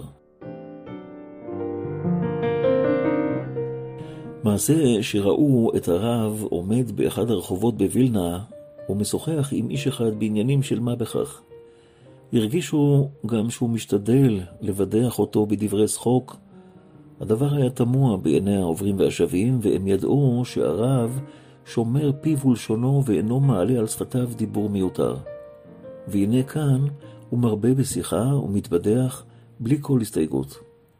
כשאחד מהתלמידים העז בהזדמנות לשאול את הרב לפתרון אותה חידה, השיב לו הצדיק שהאיש הזה הוא מדוכא ומר נפש, ואין גמילות חסד מרובה מלשמח את נפשו העגומה ולהרנין את ליבו. הוא היה נוהג כן גם בחוג בני משפחתו במקרים של מצב רוח מדוכא, היה רגיל לספר מאורעות מבטחים מתולדות חייו, בכדי להפיג את דאגותיהם ולשמח אותם.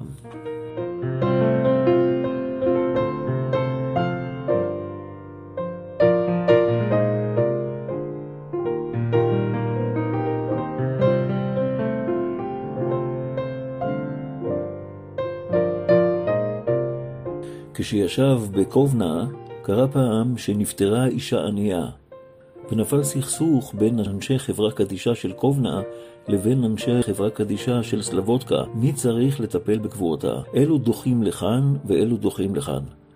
רבי ישראל סלנטר עמד אז באמצע התפילה, בין קריאת שמע לתפילת עמידה, ואוזניו קלטו את הדיון הזה. הוא הפסיק מיד את התפילה, חלץ מהר את התפילין, וקרא לתלמידים שלו ללכת איתו ולטפל בקבורה של הנפטרת הזאת. הרי יש בזה דין של מת מצווה וגמילות חסד של אמת, והכל נדחה מפני העניין הזה.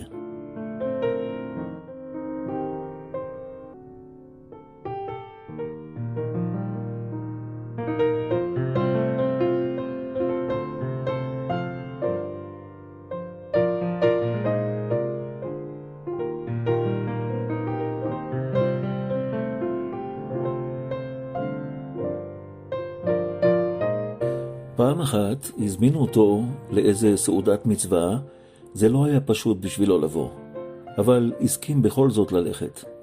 הוא נטל ידיו בצמצום, כמה שנצרך מים בדיוק, לא יותר, אפילו מעט, ואילו בעל הבית, כשנטל את ידיו, הוא נטל בשני דליים של מים, כיוון שהגמרא במסכת שבת, דף ס"ב עמוד ב', אומרת שמי שרוצה להעשיר, יש סגולה שישפוך הרבה מים, בזמן נטילת ידיים. לכן הוא שפך דלי על כל יד בנפרד, כדי שיהיה עשיר גדול. בעל הבית התפלא איך רבי ישראל סלנטר, שזהיר כל כך במצוות ומדקדק עד הקצה האחרון, כך עושה נטילת ידיים? עם כל כך מעט מים, כמו חלילה נטילת ידיים של תשעה באב? שאל אותו אחר כך, ימחה לי כבוד הרב, שאני מאיר ומעורר. אבל תורה היא, וללמוד אני צריך. ילמדנו רבנו, ראיתי אותך עושה נטילת ידיים בצמצום, בקושי, מזלף מים על הידיים. הרב ראה אותי? אני שפכתי ארבעים שאה על כל יד. מה הטעם שהרב כל כך צמצם? אמר לו רבי ישראל סילנטר, עליו השלום, מחילה מכבודך, מי שואב כאן את המים? אתה הולך ושואב מהבאר? אתה הולך להביא את הדליים מהבאר לבית? אמר לו בעל הבית, מה פתאום? אני בעל הבית. השואבת זאת אישה אחת, היא הטבחית כאן, והיא גם מבשלת, והיא גם השואבת. על הכל היא אחראית. אמר לו רבי ישראל מסלנט, ועליה אתה רוצה לגלגל את העשירות שלך? שהיא תתייגע ותשאב כמה וכמה דליים של מים בשביל שאתה תיטול ידיים בשפע? זאת לא מצווה. אם זאת מצווה, זאת מצווה שבאה בעבירה. ואם אתה מחמיר על חשבונך, תחמיר. ואם אתה בעצמך הולך ושואב את המים מהבאר, תיטול ידיים גם עם באר שלמה. אבל כשאתה רוצה לעשות הידורים, וחסידויות, וצדיקויות, ומצוות וסגולות על כתפיים של חברך, זה כבר לא מצווה. כך השיב לו הרב.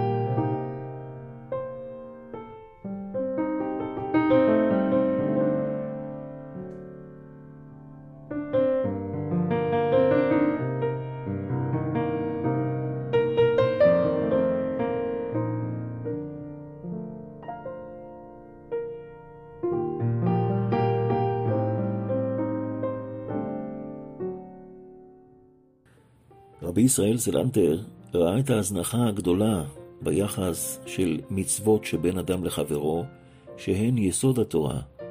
כפי שאמר רבי עקיבא על מצוות ואהבת לרעך כמוך, שהיא כלל גדול בתורה. וכפי שאמר הלל הזקן לאותו הגר בגמרא במסכת שבת, כל מה ששנוא עליך, אל תעשה לחברך. זוהי כל התורה כולה על רגל אחת. בדרשותיו התאמץ לשנות את סולם הערכים של השומעים ולהעמיד אותו על פי הדרכתה המקורית של התורה. הדרשות שלו היו חודרות לעומק הלב, הוא היה מדבר בהתרגשות עצומה, וכשהיה מתאר את סבלותיהם של העניים, היתומים והאלמנות, היה ממש בוכה. ולעיתים היה נאלץ להפסיק את דרשתו מרוב התרגשות. ורק לאחר כמה דקות היה יכול להמשיך לדבר. כמובן ששיחות אלו היו עושות רושם כביר על השומעים.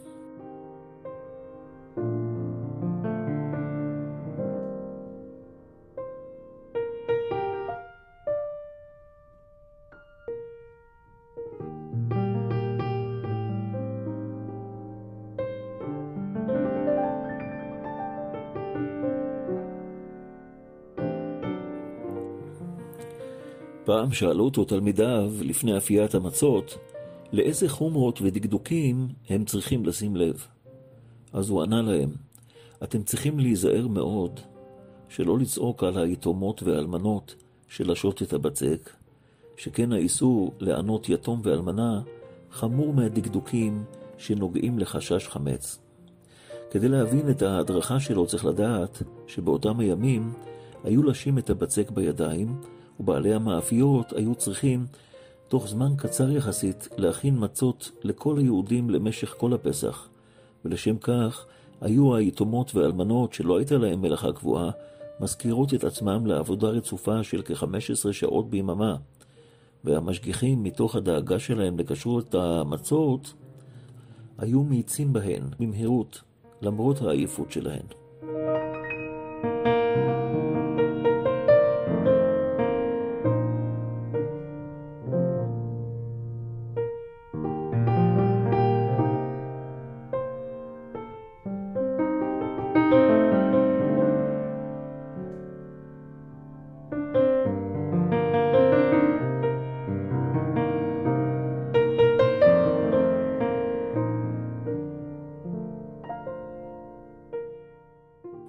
המוסר היא תנועה שייסד הרב ישראל מסלנט במזרח אירופה במאה ה-19 במטרה לפעול באופן ציבורי למען תיקון המידות. חלקים גדולים מן התורה עוסקים בתיקון המידות וביחסים שבין אדם לחברו הוזנחו, אף על פי שהם משמשים כבסיס לכל המצוות והמעשים. ניתן לחלק את יסודות תנועת המוסר לשלושה חלקים שלמות התורה, המעשים והאדם. שלמות התורה.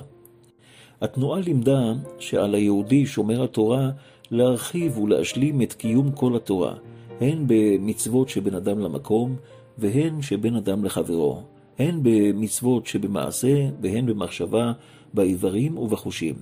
כשם שנזהרים מחילול שבת, איסור חמץ ומאכילת טרפות, כך יש להיזהר מכעס ולשון הרע, הלבנת פנים ונטירה, איבה, גזל ועוד. כמו שמקיימים מצוות קריאת שמע ותפילה, ציצית והנחת תפילין, תקיעת שופר וארבעת המינים, כך יש לקיים מצוות ואהבת לרעך כמוך, אהבת רעים, רדיפת צדק, הליכה בדרכי השם ועשיית הישר והטוב, צדקה, גמילות חסדים. אם מהדרים במצע שמורה, סוכה נאה ואתרוג מהודר, יש לדקדק גם במסחר הגון, בשיחה מכובדת ומנומסת ובהארת פנים לכל אדם. התנועה קראה למעשים מתוך כנות ואמת, בהירות מחשבה ורגש פנימי. רבי ישראל מסלן הביא כדוגמה לחוסר שלמות במעשים, אדם העוסק בחודש אלול בענייני התשובה, אומר סליחות, מתענה, אך מזניח את עיקרי התשובה שהם חרטה על העבר, וידוי וקבלה לעתיד, שבלעדיהם התשובה לא שלמה. שלמות האדם תנועת המוסר רואה את מטרתה של התורה ותכליתו של האדם בשלמותו האישית. שלמות הדעות והמידות וחינוך האדם למוסריות, מעלות אלה לא נקנות בלימוד או בהסכמה בלב בלבד, אלא בעמל ובהתאמצות מרובה, עד ההגעה לקניין המוחלט. את יסודות אלה לא כיוונה תנועת המוסר רק כלפי המון העם הפשוט. הרקע להקמת התנועה. את ראשיתה של התנועה תלה מחוללה הרב ישראל מסלנטר במורו ורבו רבי יוסף זונדל מסלנט, שהיה מגדולי תלמידיו של רבי חיים מוולוז'ין. רבי יוסף זונדל הייתה דמות נחבאת אל הכלים, שרבים לא הכירו, אך לפי דברי תלמידיו, הייתה דמות מוסרית משכמה ומעלה. סביבו בישיבת וולוז'ין התקבץ חוג מוסרי שניתן לראות בו גלגול ראשוני של תנועת המוסר. מחולל התנועה היה תלמידו של רבי יוסף זונדל, רבי ישראל מסלנט. הוא קיבץ סביבו בקובנה קומץ תלמידים והדריך אותם בעבודת המוסר, והם שהקימו את הדור הבא של ישיבות המוסר ברחבי מזרח אירופה. כמו אנשי מוסר שקדמו לו, האמין גם הרב ישראל מסלנט בלימוד ספרי מוסר מסוגים שונים. אולם הוא טען שלא די בכך כדי להניע את האדם לקיים את כל המצוות כראוי. כולל מצוות שישנה נטייה לזלזל בהם, כמו מצוות שבין אדם לחברו. לכן הוא טען שעל האדם לחדור אל מעבר לצד השכלי, אל תוך הכוחות הכהים שבנפשו. הדרך לכך היא לימוד מוסר בהתפעלות, תוך חזרה על משפט מפתח ובניגון מתאים, עד שיחדרו הדברים לתוך טבעו של האדם. פרקטיקה נוספת שפיתח הרב ישראל מסילנד היא הקמת בתי מוסר המיועדים למטרה הזאת של לימוד מוסר בהתפעלות.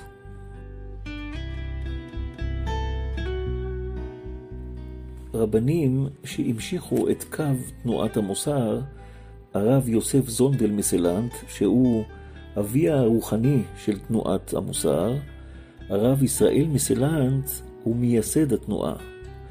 בדור השני היו הרב שמחה זיסל זיו, שמכונה הסבא מקלם, הרב אברהם שינקר, הרב יצחק בלזר, הרב נפתלי אמסטרדם, הרב אליעזר גורדון מטיילס, והרב נתן צבי פינקל, המכונה גם הסבא מסלבודקה. הרב יוסף יוזל הורוביץ, המכונה הסבא מנוברדוק. בדור השלישי יש את הרב אברהם אליהו קפלן, הרב ירוחם ליבוביץ' ממיר, הרב נפתלי טרופ, הרב יוסף יהודה לייב בלוך. אחרי השואה, סוף המאה ה-20, זה דמויות כבר מהדור שלנו, וחלק מכם הכירו. הרב אליהו לופיאן, למי שזוכר, מכפר חסידים, רכסים. הרב אליהו דסלר היה בגייטסהד, בישיבת גייטסהד, ואחר כך היה ראש ישיבת פונוביץ'. הרב יחזקאל לוינשטיין, הרב אייזיק שר, וכמובן הרב שלמה וולבה, המוכר מהספרים עלי שוך.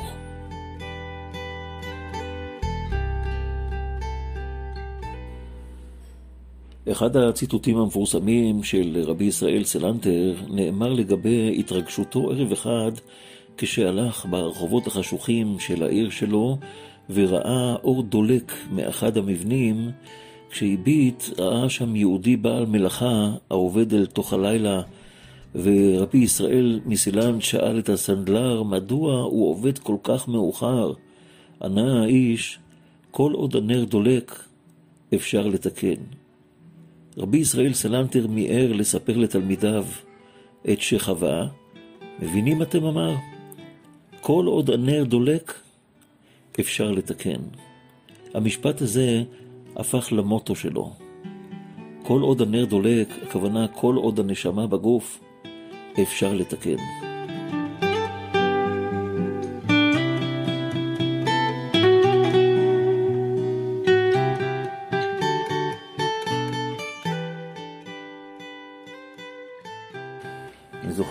ששידרתי באחת מתחנות הרדיו, התגלגל לידי דיסק עם השם גדעון פריזנט. היה בו משהו מאוד מקורי, משהו מאוד מיוחד, ולימים נפגשתי איתו במקווה הארי, שם הוא ישב וגם שר ושימח את האנשים.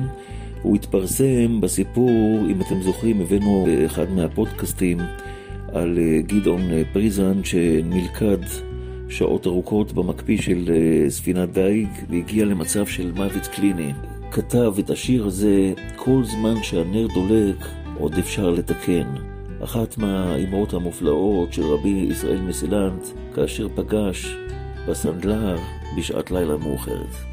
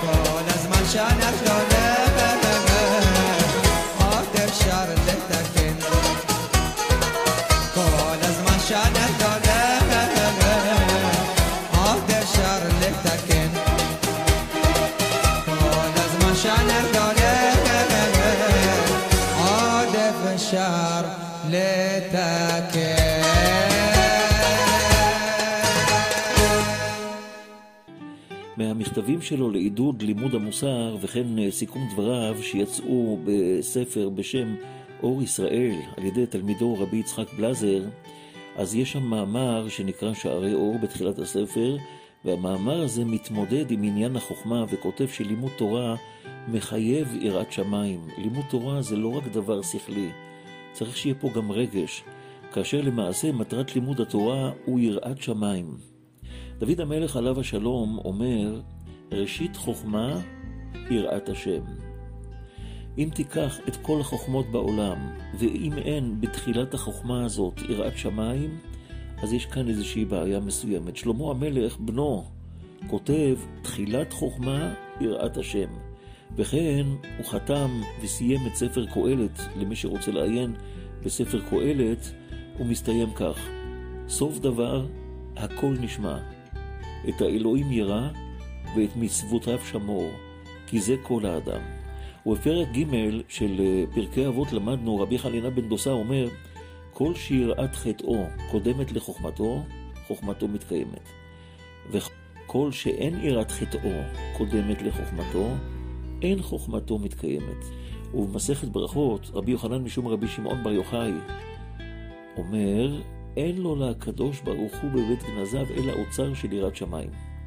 וביותר, אמרו חז"ל במסכת שבת, כל אדם שיש בו תורה ואין בו יראת שמיים, דומה לגזבר שמסרו לו מפתחות הפנימיות ומפתחות החיצוניות לא מסרו לו. באי עיל.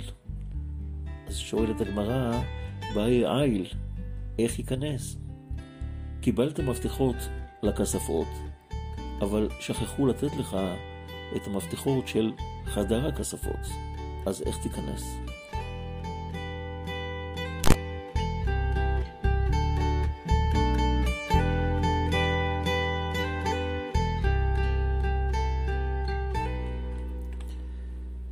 אמרות רבי ישראל מסילנט, דע את עצמך, צרכיו החומריים של זולתי הם צרכיי הרוחניים. העולם אומר, אם אין יכולים לעבור, מוכרחים לחזור. ואנו אומרים, אם אין יכולים לעבור, מוכרחים לעבור. הרוצה להתרומם על הזולת, אין לו לכרות בור לחברו, כי אם להקים במה לעצמו. יותר קל ללמוד את כל הש"ס, התלמוד הבבלי, מאשר לתקן מידה אחת. כל זמן שהנר דולק, ניתן לתקן. אם האדם לא יתבונן בעצמו, מה יועילו ספרי מוסר?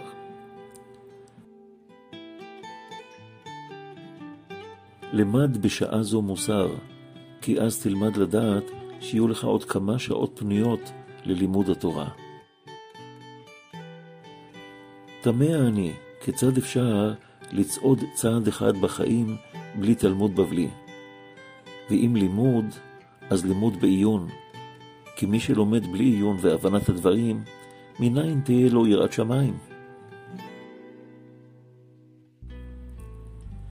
אין להיעדר במצוות על חשבון אחרים. לא כל מה שחושבים יש להביע. לא כל מה שמביעים יש לכתוב.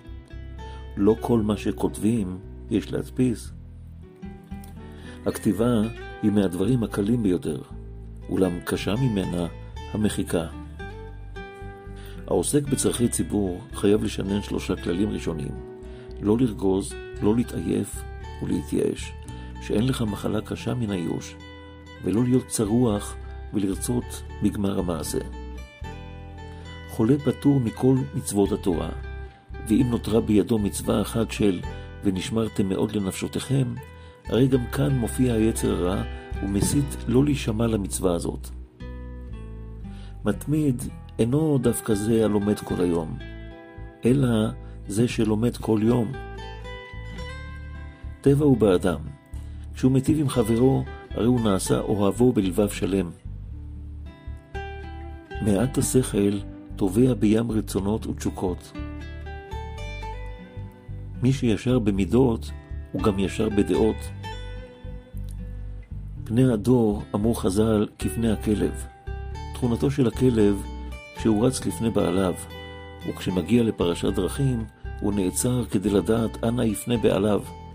כך גם המנהיגים העומדים בראש הציבור, נועים אחרי הרחוב, במקום שהרחוב לפני אחריהם.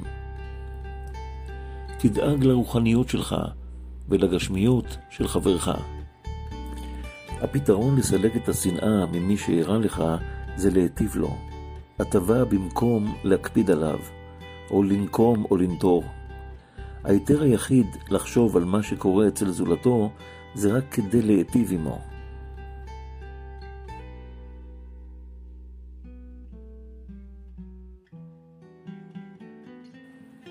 רבי ישראל סלנטר התארח פעם כשבוע ימים אצל הברון רוטשילד. באחוזה המפוארת שהייתה לברון היו גם בית כנסת מפואר מאוד, בית מדרש לאברכים, מקווה טהרה, והברון הנהיג את ביתו על פי ההלכה, וכאשר הסתיים הביקור של רבי ישראל מסילנט ורצה לשוב לביתו, לפני כן שאל אותו הברון רוטשילד, כבוד הרב, האם מצאת איזשהו דבר שאני יכול לתקן או לשפר על פי מה שראית? אז אם כן, בבקשה תאמר לי. אמר לו הרב ישראל סלנטר, כן, יש דבר אחד אותו אפשר לתקן. שאל הברון, מה הדבר? אמר הרב, בדרך כלל, כשאדם מתעשר, הוא מתנשא על הבריות, והוא מרגיש מורם מעם, ובדרך כלל פחות מקפיד לנהוג על פי ההלכה. הוא גם מזלזל בדברי תורה, וגם שוכח את השם, כמו שכתוב, וישמן ישורון ויבעט.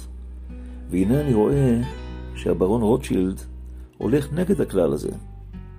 ברוך השם, אתה, רוטשילד, מקפיד על התורה, מקפיד על המצוות, מקפיד על ההלכה בכל לבך.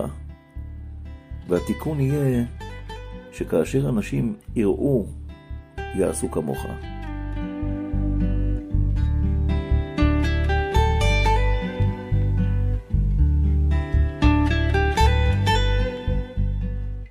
עד כאן, מאזינים יקרים, הפודקאסט כל אחד והסיפור שלו.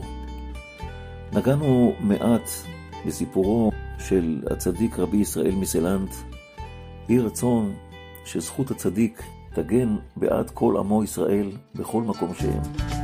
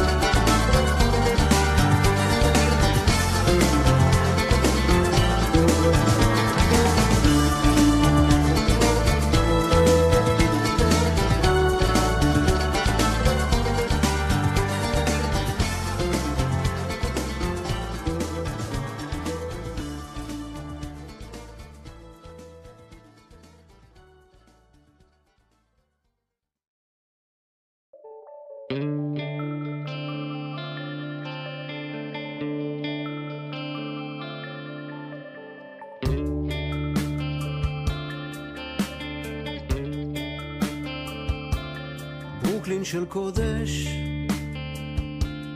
ברוקלין של חול, שומע קצת יידיש, נורא בלספניול. ברוקלין רב שלמה, הסנה הבוער, ברוקלין לואי,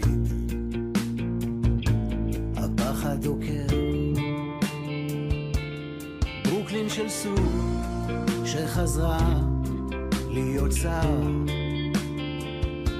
ובכל ליל שבת בבית כנסת היא שרה. ברוקלין דיכאון ברוקלין אושר ברוקלין פרוצה ברוקלין גלת כושר שלום רב מאזינים יקרים, אנחנו יחד איתכם בפודקאסט כל אחד והסיפור שלו. על הדרך לברוקלין הפעם אנחנו עם אבי אורן. אבי אורן, דמות מאוד מוכרת לישראלים רבים שהגיעו לניו יורק. אבי הוא בעליה של מסעדת הר ציון, מסעדה משפחתית גדולה ומפורסמת בשדרה החמישית היוקרתית מול בניין Empire State Building. אבי, היכן הסיפור שלך בעצם מתחיל? אני גדלתי ב... באזור הצפון, אבל אנחנו היינו מהמשפחה, מהמייסדים של אה, כרמיאל. משפחת אורן, לי היו קוראים, היום קוראים לי אברהם, בגלל שאשתי לא רוצה שאני אקצר את השם, אבל בזמנו היו קוראים לי אבי. אבי אורן, גדלתי בכרמיאל, הייתי שחקן כדורגל בכרמיאל, קרוב ל-13 שנה, 14 שנה. למדתי בכרמיאל. בצעירותי עברתי בצפון, בקריות, באזור חיפה, עד לשלב של הצבא. בצבא הוריי אה, עזבו לארצות הברית.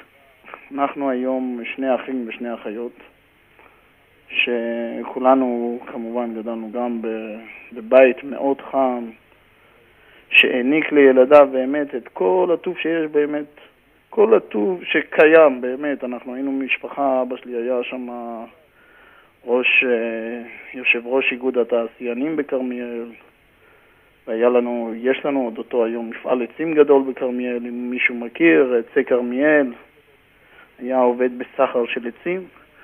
אז מבחינה כלכלית, ברוך השם, לא היה חסר לנו כלום. איך שהוצאנו רישיון בגיל 17, כבר היה לנו רכב. כבר חדש, היה לי, לכל אחד היה רכב. ברוך השם, מבחינה כלכלית לא החסירו מאיתנו כלום. האם הרגשת כך גם מבחינה רוחנית? מבחינה רוחנית, תמיד המזרחיים קצת יותר קרובים. נוגעים תמיד קצת בשורשים. אני הייתי שם בתור שחקן כדורגל, שהשם ירחם עליי, הייתי מחלל שבתות והשם ירחם, הייתי קצת אולי יותר רחוק, אבל תמיד הקידוש היה בבית, אבל זה אווירה כזאת של קידוש, של, של לפעמים בחגים, להיות ביחד. אני זוכר שהיינו נפגשים, אצלנו יום כיפור, היינו צמים, אבל זה בשבילנו היה יום של, שנפגשים כולם, יושבים, צוחקים כל הלילה, משחקים לפעמים קלפים, איכשהו מנסים להעביר את היום הזה לא מתוך אמונה, ידוע שכולם צמים, אז כולם צמים, אנחנו כדג הזורם עם הזרם. מבחינה רוחנית, אמונה, קשה לי להאמין ש...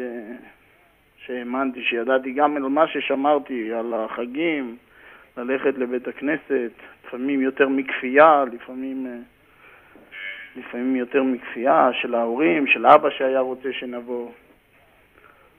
אה, מבחינה רוחנית הרבה לא היה, לא היה משהו שהיה מגדיר אותנו כמאמינים יותר, יותר מאדם חילוני ממוצע. אז קשה להגיד שבזמנו, שהייתי מתגורר בכרמיאל, שהיה לי, שהיה לי קשה או איזה מצבי לחץ. ברוך השם, שיחקתי כדורגל, קיבלתי משכורת, ההורים היו שולחים לי בזמנו שהיו בחוץ לארץ, אז uh, לא התמודדתי עם קשיים מסוימים שאני יכול להצביע על uh, קושי מסוים שהיה לי בזמן ההוא. כן. אבל uh, כמובן שאחרי זה, שהתחלנו קצת, ברוך השם, להתבגר, ונכנסנו בהמשך, אחרי הצבא, הייתי פה חייל בודד. והעברתי שלוש שנים, ברוך השם, בלי משפחה. חייל בודד זה חייל שאו אחד מהוריו או כל המשפחה מתגוררת בחוץ לארץ. והחייל הוא פה משרת אה, שירות סדיר, זה נקרא חייל בודד. כמובן שלי היה, היה לי בית שם, גרתי, התגוררתי בבית של ההורים, בית מסודר מבחינת כל התנאים. ברוך השם, השלוש שנים עברו קצת קשה, קצת uh, מרוחקים מההורים, אבל uh, תמיד היינו מסביב לחברה, הייתי מאוד... Uh, הייתי תמיד מסביב לאנשים, הייתי מתארח הרבה אצל אנשים. Uh, וככה עברו לנו השלוש שנים, ואני לא אשכח את הכתבה האחרונה שלי בעיתון, בכדורגל, שאמרו, נתתי שם איזה, כן, באו לראיין אותי, ואמרתי להם שאני מבטיח שאני אחזור, וצילמו אותי ככה עם כדורגל, שאבי אורן מבטיח, אני עוד אחזור. אז uh, באמת באותו זמן, אחרי הצבא, חודש אחרי שהשתחררתי, אני החלטתי לנסוע, לבקר את ההורים, לא על מנת להישאר, אלא על מנת לעשות טיול, להיות איתם קצת ולחזור. חשבתי שיהיה לי עוד קריירה בכדורגל קצת. ראיתי את עצמי בונה את החיים שלי פה בארץ, עם כל הישראלים, עם שפה, עם, עם החמימות של הארץ. אבל כמו שכתוב, רבות מחשבות בלוי איש ועצת השם היא תקום. פשוט כשנכנסים לניו יורק מתחילים לזרום עם הזרם. אבי פתח מסעדה על ה Fifth Avenue מול ה Empire State Building. אם מישהו מכיר, זה אולי השדרה העמוסה וה... ממש העמוסה בעולם. ממש, שם אמרו לי פעם אחת איך זה לפתוח שם עסק. אמרתי להם, יש שעות, אתה צריך לפתוח שקית, יורד גשם, כמה שאתה תופס, אתה תופס, רק אם תהיה חכם לפתוח את השקית בצד הנכון. באמת, שם כמות האנשים זה פשוט לא ייאמן. ישראלים, יפנים, סינים, כל הצורות וכל המינים. פתאום אני נוחת שם, שפה קצת זרה לי, למדנו בבית ספר, אבל זה לא, לא אותו דבר כמו לחיות שם. אבא פתח את המסעדה והוא רצה שהמסעדה תהיה גלת כושר, כי שם יש שם גם את כל, אנחנו חלבים במוצאנו, חלבים לבנונים. שם הקהילה החלבית היא שם קהילה מאוד ענפה ומפוארת. כמובן, אז אבא פתח אה, מסעדה גלת כושר, והעבודה מחייבת, לפעמים גם חייבים להציג כל השנה, שמים כיפה על הראש. שמים כיפה על הראש וחייבים להציג, מה לעשות, בשביל עסקים עושים הכל. אנשים מתחילים להיכנס, אני ממש בתור חילוני לא אהבתי את החרדים. ממש לא אהבתי אותם. הייתי כמו, הייתי תמיד מצדיק את עצמי, אני חייל בודד, הולך, משרת בצבא, אלה יושבים, לומדים, מתנדנדים, מה הם עושים, איפה אנחנו, עם כל העטפות, לא אהבתי אותם. אמרתי, אני עכשיו פה עומד לשרת אותם, אבל בשביל עסקים נעשה הכל, מה לעשות? תנסה לשתף אותנו בתחושות שלך. אני מחזיק ביד ממצאים רשמיים של הלשכה המרכזית לסטטיסטיקה ומגלה שהחברה החרדית היא בעצם המתנדבת ביותר במדינת ישראל למען התושבים ובפערים עצומים משאר האוכלוסיות. מהיכן לדעתך מגיעות רגשות השנאה הללו שהתפתחו אצלך? זה קשה מאוד. בתור חילוני, שאתה יודע שתמיד יש איזה מין מחסום כזה, ש... מבינים שהמחסום הזה זה ממש מחסום שאינו נראה. זה כמו מין חומה, אני שמעתי את אה, אחד ה... את דנקנר, כן. שאומר, אני לא חשבתי שבכלל הם אנשים שבכלל אפשר לדבר איתם. זה נראה איזה משהו ש... נכון, הם יהודים, אבל לא קשורים אלינו. אז תמיד אנחנו היינו, היה לנו את המעצורים, אפילו, אני זוכר, הייתי נכנס לבני ברק, הייתי בתור... Uh, בתור חילוני, לא הייתי יכול להיות, הרגשתי שאני לא יכול לעמוד שם, הייתי מסתכל עליהם כזה במין בוס כזה, איך הם נראים, שחורים, מזיעים, עם כל, ה... עם כל ההגדרות שכל היום היו מכניסים לנו בראש על החרדים, ממש הייתי מרגיש כמו סלידה מהם, ממש הרגשה לא טובה שהייתי בקרבתם, ופתאום אני עומד מולם, והם עיקר האנשים שהיו נכנסים למסעדה. אבל כמובן שאחרי יום, יומיים, חודש, חודשיים, מתחילים גם בעסקי... בעסקי... ב... שמתחילים להתכחך, ל... להתחכך. לעבוד עם אנשים, כן. אתה מתחיל פתאום להכיר את הצד הזה, פתאום זה רוצה שתשים לו יותר ככה, תשים לו יותר ככה, תן לו מנה יותר... אתה מתחיל להתחבר איתם, אפילו מידידות עסקית. פתאום אתה מתחיל להכיר ואתה רואה שהאנשים האלה זה לא בדיוק מש כמו שהציגו לנו אותם. וקשה מאוד להוריד את המסך הגדול הזה, אבל ככל שהזמן עובר, אתה רואה ש...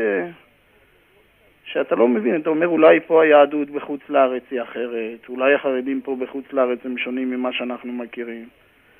אבל כשאנחנו עושים חושבים, פתאום אנחנו אומרים, הרי אנחנו אף פעם לא הכרנו. גם לא הכרנו את החרדים אפילו פה בארץ. בשביל להגיד, אף פעם, גם לפני שאני הכרתי את אלה, אני חשבתי עליהם אותו דבר. כל ה... אתה שומע, היו שם באים אנשים, אנשי חסד, היית רואה איך אנשים הולכים, מארגנים כל מיני, כל מיני צדקות לעניים, או היו באים לפעמים עניים, אפילו גויים. היה אומר לי האחד הזה, בוא, תן לאלה, תן לאלה לאכול על חשבוני, תרשום לי את זה בכרטיס. או שבסוף היום היו נשארים, היו מתגודדים שם כל מיני הומלסים כאלה, אנשים מחוסרי בית. ממש, היו יהודים שם שהיו אומרים לי, היו אומרים לי, קח, הנה, קח, זורקים לי 100 דולר, אומרים לי, קח, תאכיל אותם, תיתן להם את כל מה שנשאר לך, אפילו בשביל, במקום שתזרוק, קח, תרוויח, תהנה. כן. והיית רואה כזאת, ולא הייתי מבין איך בן אדם מוכן לתת מעצמו כסף מעצמו, 100 דולר, ולתת אותם אפילו, הוא לא יודע אם הם יהודים.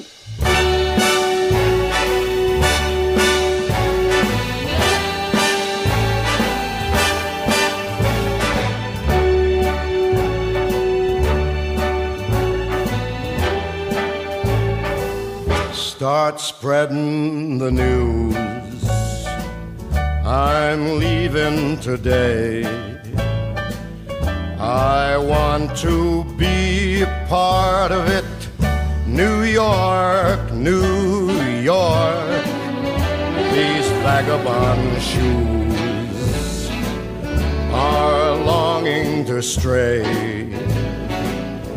right through the very heart of it. New York, New York. I want to wake up in a city that doesn't sleep and find I'm king of the hill, top of the heap. These little town blues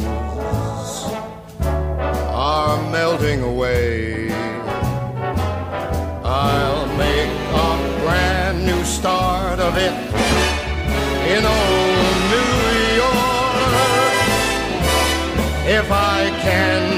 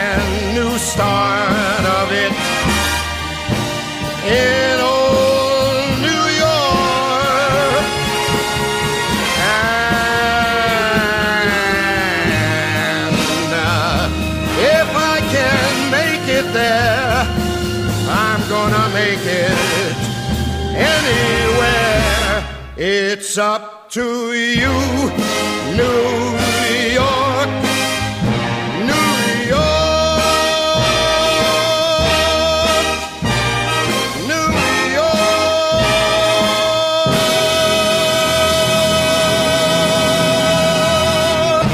נמצא איתנו אבי אורן מניו יורק על הקו בפודקאסט כל אחד והסיפור שלו, כמו שהזכרנו, המסעדה ממוקמת במקום התוסס ביותר בניו יורק. תנסה אולי לאפיין את הלקוחות שלך, הלקוחות שהיו מגיעים אל המסעדה. היו הרבה מאוד חרדים, אנשי עסקים שם, אבל היו גם לא מעט כל מיני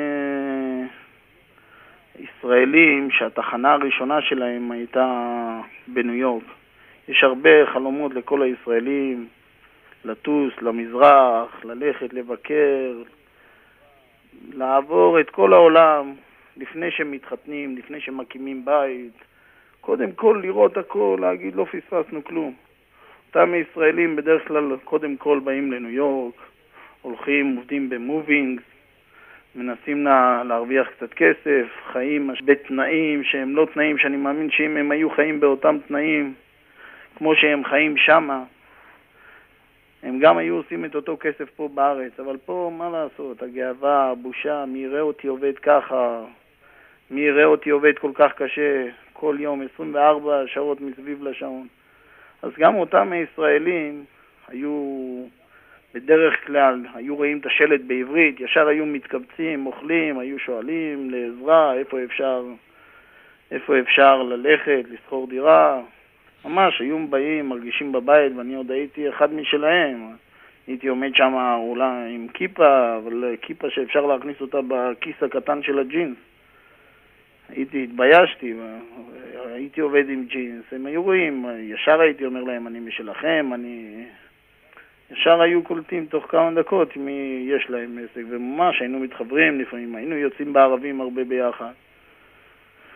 ברוך השם, היה תקופה שממש היינו, אני מבחינתי הייתי עוזר להרבה ישראלים שם, אני... אני מכיר חברים רבים ומשפחה שנסעו לאמריקה לטיול קצר וקצת לעבוד, והבטיחו שבשנה הבאה הם חוזרים והשנים רצו והילדים גדלו.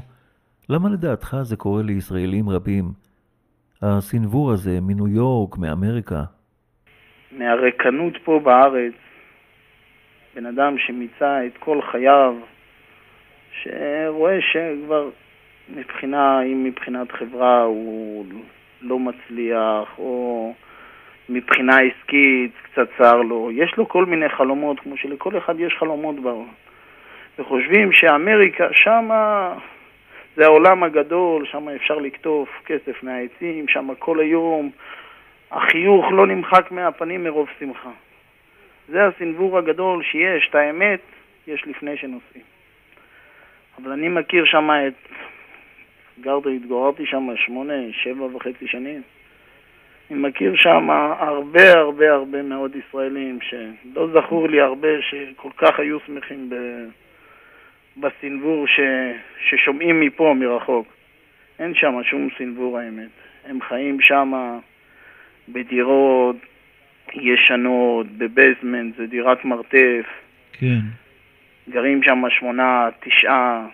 אני אומר לך, הם יוצאים, כמו שאומרים, מצאת החמה, הצאת הנשמה, עובדים ועובדים ועובדים וסבלים, והולכים, מנקה שטיחים, הולכים עובדים שעות על גבי שעות. נכון שמרוויחים 600 ו-700 דולר בחודש, אבל ממש עובדים כמו, כמו משרתים.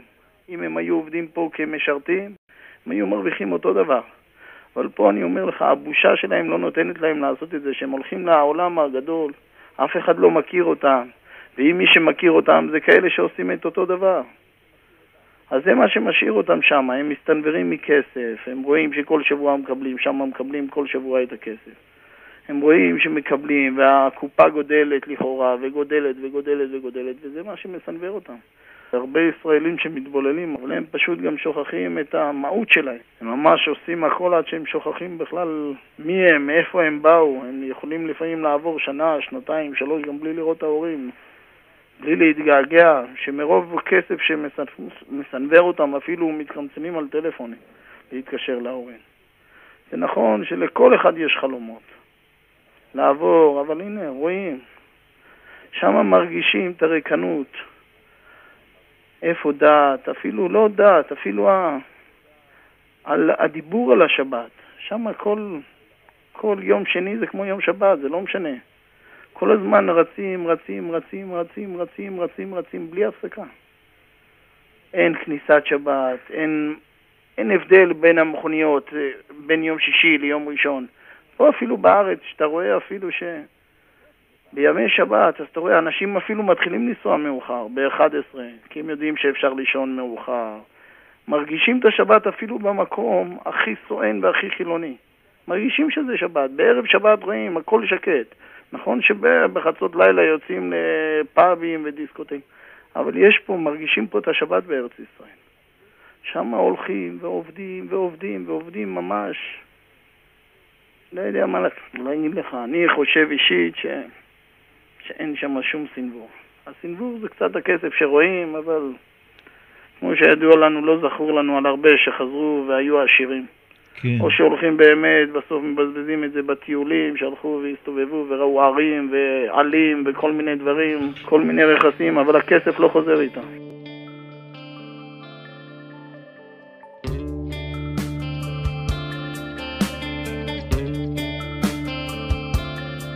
ברוקלין של קודש,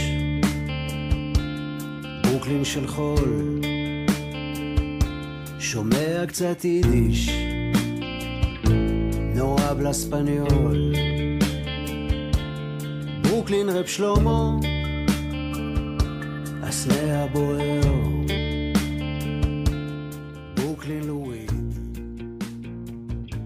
אנחנו חוזרים אה, לאבי אורן ממסעדת הר ציון בניו יורק. אבי, ברשותך, אם תוכל בהמשך להתייחס לשינוי שחל בך ביחס אל האוכלוסייה החרדית, שבעצם אה, היוותה חלק לא קטן מלקוחות המסעדה שלכם.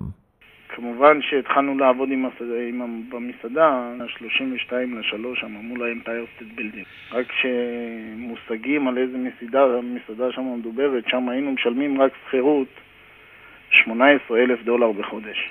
פשוט לסבר את האוזן על, על איזה מסעדה, איזה מסעדה מדובר. כמובן אמרתי שהתחלנו לעסוק יותר עם, גם עם הציבור החרדי, שהיינו משרתים אותו. היה לנו השגחה, בין ההשגחות הטובות בניו יורק. והתחלנו באמת להכיר קצת, אני התחלתי להכיר קצת את הפן האחר של החרדים, העזרה, כמו שציינתי, הטוב, היושר, שבן אדם באמת היה יוצא, יוצא, הולך, אוכל ושוכח, ואחרי שבוע, שבועיים בא, אומר לי, אתה יודע, פעם אחת אכלתי ורשמתי שלא לא שילמתי לך. היינו, והייתי רואה את היושר הזה, אני לא יודע, אני, אולי לא כולם ככה, אני הייתי ככה עם כל החברים שלי, שהיינו הולכים, אם שוכח, הוא יחזיר לנו קצת כסף יותר. ברוך השם סופרים, פתאום מתחילים לראות, אה, תראה מה זה, הוא במקום 20 שם לי 50. מכניסים לכיס, עוד 10 מטר אחרי שמתרחקים מהמסעדה, קצת דואגים, אולי הוא יזכור, יקרא לי, ואתה רואה שאתה נכנס לאוטו והכל נגמר. כאילו לא מובן לך, איך אנשים, מה, אתה אומר אולי בגלל שהם עשירים, אז לא אכפת להם מהכסף, אולי... אבל אתה רואה שזה לא זה, זה יושר פנימי כזה שאי אפשר להסביר, אתה פש- פשוט מתחיל להריץ את האנשים האלה. אבל כמובן, הערצה לחוד וחזרה בתשובה לחוד. לא היו לי אפילו כוונות, אפילו שהרצתי אותם ואפילו שהבנתי שהם אנשים אולי ישרים וחביבים, אבל בין החיים שלי אליהם יש תהום עמוק שלא מאמין מתי הוא יוכל פעם להיסתם. כמובן שממשיכים החיים, הייתי עובד שם מ-4 בבוקר עד 11 וחצי בלילה. ממש, כמו שאמרתי, עובדים שם ממש עד, ש... עד כלות ה... הנשמה, ממש אין כוח, אין כוח, אפילו באים הביתה מרוב שעייפים, לא יכולים לישון תקועה, אפילו יותר משעתיים, שלוש, ישר קמים, הולכים לעבוד. עובדים, רואים הרבה כסף, מסתנוורים, רואים רווח, כל, כל, כל, כל יום אתה יוצא עם כיס, מלא 600, 700, 800 דולר, 900 דולר רווח. תעשו חשבון כמה, בן אדם צעיר מתחיל להסתנוור, פתאום יכול להרשות לעצמו לקנות לו רכב בין המפוארים בניו יורק, יוצא לאן שהוא רוצה, יוצא למסעדות, כל יום פה אוכל, פה דג סלמון ב-80 דולר מנה, פה במסעדות יוקרה, ו... אבל כשיש כסף אפשר הכל לקנות, ובמיוחד באמריקה ובניו יורק. הכל, הכל, הכל. מה שבן אדם מדמיין לו, יכלתי אז, היה לי הכל. ממש, אתה טועם שיש לך הכל, אבל אתה טועם גם שאין לך כלום. עם כל השמחה, אני יכול להזכיר לכל אחד שהוא יתחיל להבין את זה. תזכירו לעצמכם, אחיי, אפילו שהיינו ילדים קטנים, שהיינו מתכננים אפילו לטיול שנתי. בן אדם שיש לו איזה בועה שהוא רוצה להגיע אליה, או איזה תכנון, או איזה... לא יודע מה, אפילו טיול שנתי, אני אומר, דבר שיוכל להיתפס לנו. היינו מתכננים שבוע לקנות ולהביא, להביא ממתקים. מגיעים לאותו טיול, מרגישים שהטעם חסר. ומתכננים ובאים ומרגישים זה לא זה. כל פעם, מבועה לבועה, מגיעים לבועה, תופסים אותה ביד, פותחים אותה, רואים שזו הייתה בועת סבון, שהתפוצצה ביד. ואני ממש הגעתי למצב שבאמת הגעתי מבחינת חומר כמעט להכל. לא יודע, תמיד יש, תמיד יש. אבל הרגשתי שאם בתור בן אדם שאני צעיר 23-24, יש לי כל כך הרבה, לא יעזור לי שיהיה לי עוד, עוד יותר בשביל להיות שמח. אתה מרגיש שאתה רץ פתאום, אתה רץ ורץ, אתה עומד פתאום, אתה לא יודע לאן רצתי בכלל. ואז אתה מתחיל עם השאלות. אבי, שתף אותנו איך אתה מצליח להבחין שהריצה היא לא המטרה. הרבה אנשים עובדים ועובדים, רצים פה חיי לחץ וחדשות, עוד חצי שעה, פה מבזק חדשות של זה, של חצי שעה וחצי עגולה וחצי עגולה ופה פרשנים וזה שלי וזה זה. כל היום רצים, רצים, רצים, אין זמן לחשוב. אבל אני, בגלל שהייתי עייף, פחדתי גם לנהוג. הייתי חוזר בסאבווי. בסאבווי שם מפחיד לישון. הייתי עם כמות, לפעמים עם הרבה כסף בכיס. רואה מי יושבים לידי, זה נרדם, הומלסים, יושנים, ואני אומר, הנה, אני לידם פה, נכון, הם פה הומלסים, אני לידם שמיים וארץ, יש לי עכשיו בכיס, עכשיו מיום 700 דולר רווח, אני לא מדבר, אני הייתי לוקח כל הזמן את הרווח, שם 700, 800 דולר רווח, אבל מה יש לי מזה? הם יושנים פה, עוברים, רצים למחרת, הולכים לעשות מה שהם רוצים, ואני עושה אותו דבר. אין אפילו זמן ליהנות ממה שיש. ההנאה אפילו שאתה הולך וקונה, זה לא הנאה. אני רוצה שיגיד לי מישהו אחד שכמה הוא חסך, חסך לרכב טוב, ורצה להראות לכולם, הנה יש לי, יש לי, יש לי, אחרי שהוא נוהג בו שבוע, שבועיים, ועובר ברחוב הרצל עשרים פעם שכולם יראו. אחרי שבועיים הוא מרגיש שטעם חסר, חסר בו. בשביל זה רצתי, בשביל זה השקעתי. בשביל... בן אדם תמיד מרגיש משהו חסר. אף פעם אין שמחה מושלמת. ואף אחד לא יכול לקום ולהגיד לי באמת שהוא מכבה את, ה... את האור בלילה לפני שהוא הולך לישון. שהוא יכול להגיד, שמע, אני מילאתי את היום, עשיתי את הקופה שלי מבחינת, מבחינת יום, לא מבחינת כסף עכשיו. ואני עכשיו הולך שמח לישון שלב. הוא הולך לישון עם דאגות. הוא הולך ומרגיש, מה אני עשיתי? רצתי, רצתי, רצתי. יום למחרת רצתי, רצתי, רצתי. תעצור רגע. אחרי שבוע, אחרי שבועיים, אחרי שנתיים, תעצור. מה אני עושה? אני רץ. אבל תעצור רגע, תגיד לעצמך, לאן אני רץ? יש לי בכלל כיוון. וזה מה שקרה לי. אני בא, אני רואה את האנשים האלה, באים החרדים, הולכים שם, שם זה לא כמו, שם יש הרבה חרדים שגם עובדים. אתה רואה אנשים באים, שלווים, אתה רואה שמחה ניכרת על פניהם. הולכים, גומרים בשלוש, הולכים שמחים הביתה. ואני אני רק בשלוש בצהריים מתחיל את היום. אתה מדבר איתם, מה אתם עושים? הולכים, יושבים עם הילדים, אני הולך הבן שלי עכשיו בישיבה, לומד איתו קצת, הבן מלמד אותי, יושבים. אתה אומר, מה זה? איפה אנחנו? מה אנחנו נזכה? איפה נראה אנחנו ילדים? בכלל, מישהו חושב על ילדים, משפחה, מה יצא מהילד שלי? עוד יומיים מה אני אתחתן? אני אפחד איפה האישה שלי תלך, מה הילד שלי יעשה? כל הזמן יש חרדות. למה אתה חושב הרבה? הרבה חילונים לא מתחתנים. מפחד, מאי ודאות. מה יהיה? מי תהיה? איך אני אקים בית? איך, איך תטפל בבית? אה, איזה ילדים יצאו לי? מה? כמה מפחיד היינו חושבים על ילד, שתיים, מקסימום, מקסימום שתיים, שתי ילדים. היום אנחנו בוכים שיש לנו שתיים.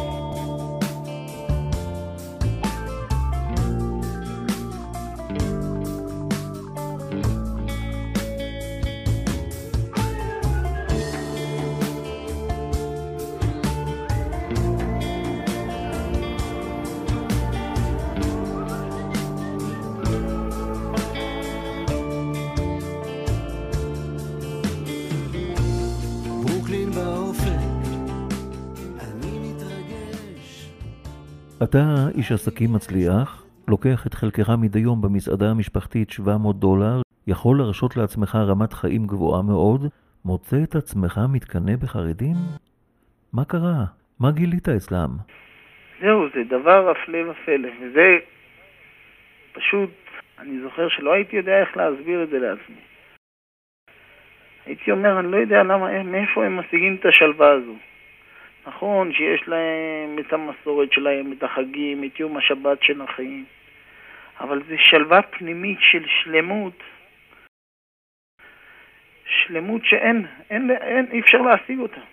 אני היום מבין שכמה שאנשים ירוצו, זה כמו לרוץ אחרי זנב, כלב שרץ אחרי הזנב שלו. ממש רץ, רץ, רץ, רוצה כל הזמן.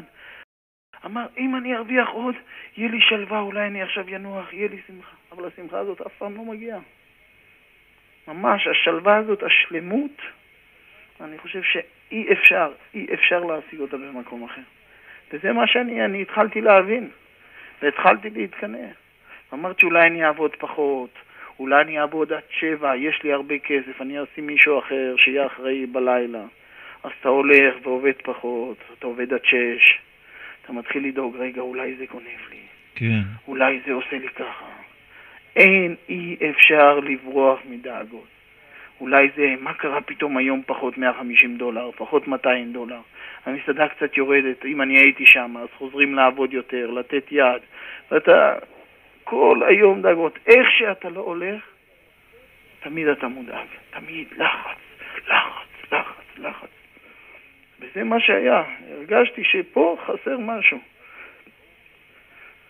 יום מן הימים הגיע הרב ניסים יגן, עליו השלום. הוא נכנס למסעדה, אמרו לנו, זה הרב יגן. אתה לא הכרת אותו קודם. לא, זה הרב יגן. אני, אני יודע, שחקני כדורגל בעל פה, הייתי יכול להגיד לך את כל הקבוצות, מי אפילו השחקני נוער שלהם. אני אחד שהייתי משלם למשחק כדורסל בארצות הברית, ב... בסקוויר גארדן של ניו יורק, הייתי משלם 700-800 דולר לשבת קרוב ל...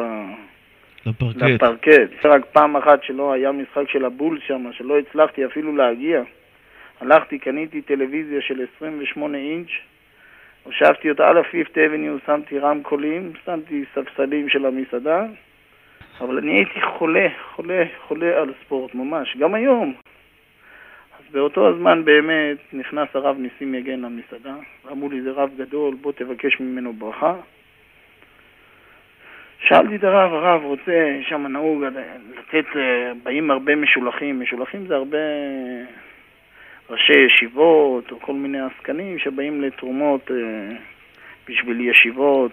בארץ. או תלמודי תורה בארץ, כן. כן. והכמות שם היא מאוד, לא מאמינים כמה אנשים שם ממש עושה חסד ונותני צדקה. מגיעים שם כמויות שלא, בלתי יאמנו. באמת אותו רב ניסים נכנס והוא אומר, קורא לאחותי, אחותי גם עבדה איתנו שם במסעדה. היא הייתה קצת בת 26, 7, אז אמא אמרה, אולי תברך אותה שתתחתן בעזרת השם. הוא אמר לה, אם את רוצה להתחתן, תבואי לעשות שבת איפה שאני עושה. זהו. והלך. אחותי באמת הלכה ועברה שבת במונסי, אצל הרב יוסף יגן, אחיו, כן, שיבדל לחיים ארוכים בעזרת השם. אמן. הלכה, עברה שבת, פתאום באה במוצאי שבת, לא הכרתי אותה. באה כזאת עם שלווה כזאת, עיניים מבריקות, רק, רק שתשאל אותה, נו, איך הייתה השבת? אני בתור חילוני, אני הלכתי, איפה הייתי? הייתי הולך בגלל שהייתי חרי, כביכול, שומר שבת שם, בעסק. הייתי מחנה את הרכב שלי כמה רחובות בשבת מאחורי הבית. כן, בשביל שלא יראו אותי חס ושלום, בן אדם שיש לו מסעדה כשרה, הולך חס ושלום אולי מאכיל אותם נבלות וטרפות, אז הייתי חייב גם להגיד שאני שומר שבת. לפעמים הייתי הולך גם לבית כנסת, נכנס לבית כנסת חצי שעה, שיראו אותי שלושת רבעי שעה והולך. הולך, הולך כמה רחובות, עולה על הרכב וממש נוסע או לים או להשם ירחם ל- לחברים. פתאום אני בא, אני רואה אותה חוזרת במוצאי שבת. יודע, כאילו, כאילו, לא יודע, כאילו ראתה את המשיח. ממש שלווה כזאת, והיא אומרת, מה זו שבת, ואיזה שבת, ואיזה משפחה. אמרתי לה, יופי, יבושם לך, ברוך השם, הזמינו אותה לאיזה סמינר, הלכה, התחזקה.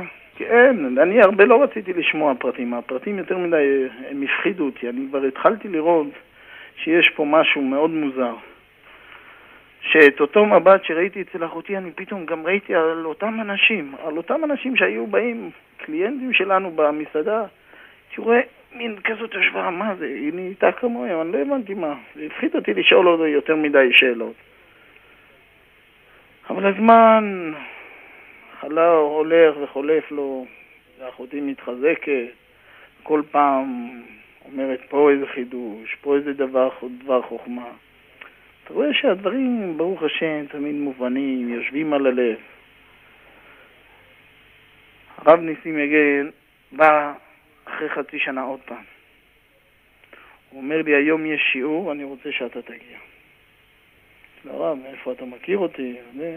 אנחנו תמיד, אני לא יודע, אני פה עובד, אני לא אוכל להגיע, לא אוכל לזה. הוא אומר לי, תגיע לשיעור, חשוב שתגיע, זה גם טוב לעסקים. אמרתי, עסקים זה טוב, בסדר. יהיו שם הרבה שיראו אותך, גם נציג את המסעדה שלך. אמרתי לו, בשמחה רבה. הגעתי לשיעור של הרב יוסף יגן. ישבתי מאחורה, בית כנסת שם עמוס, בישראלים, ב...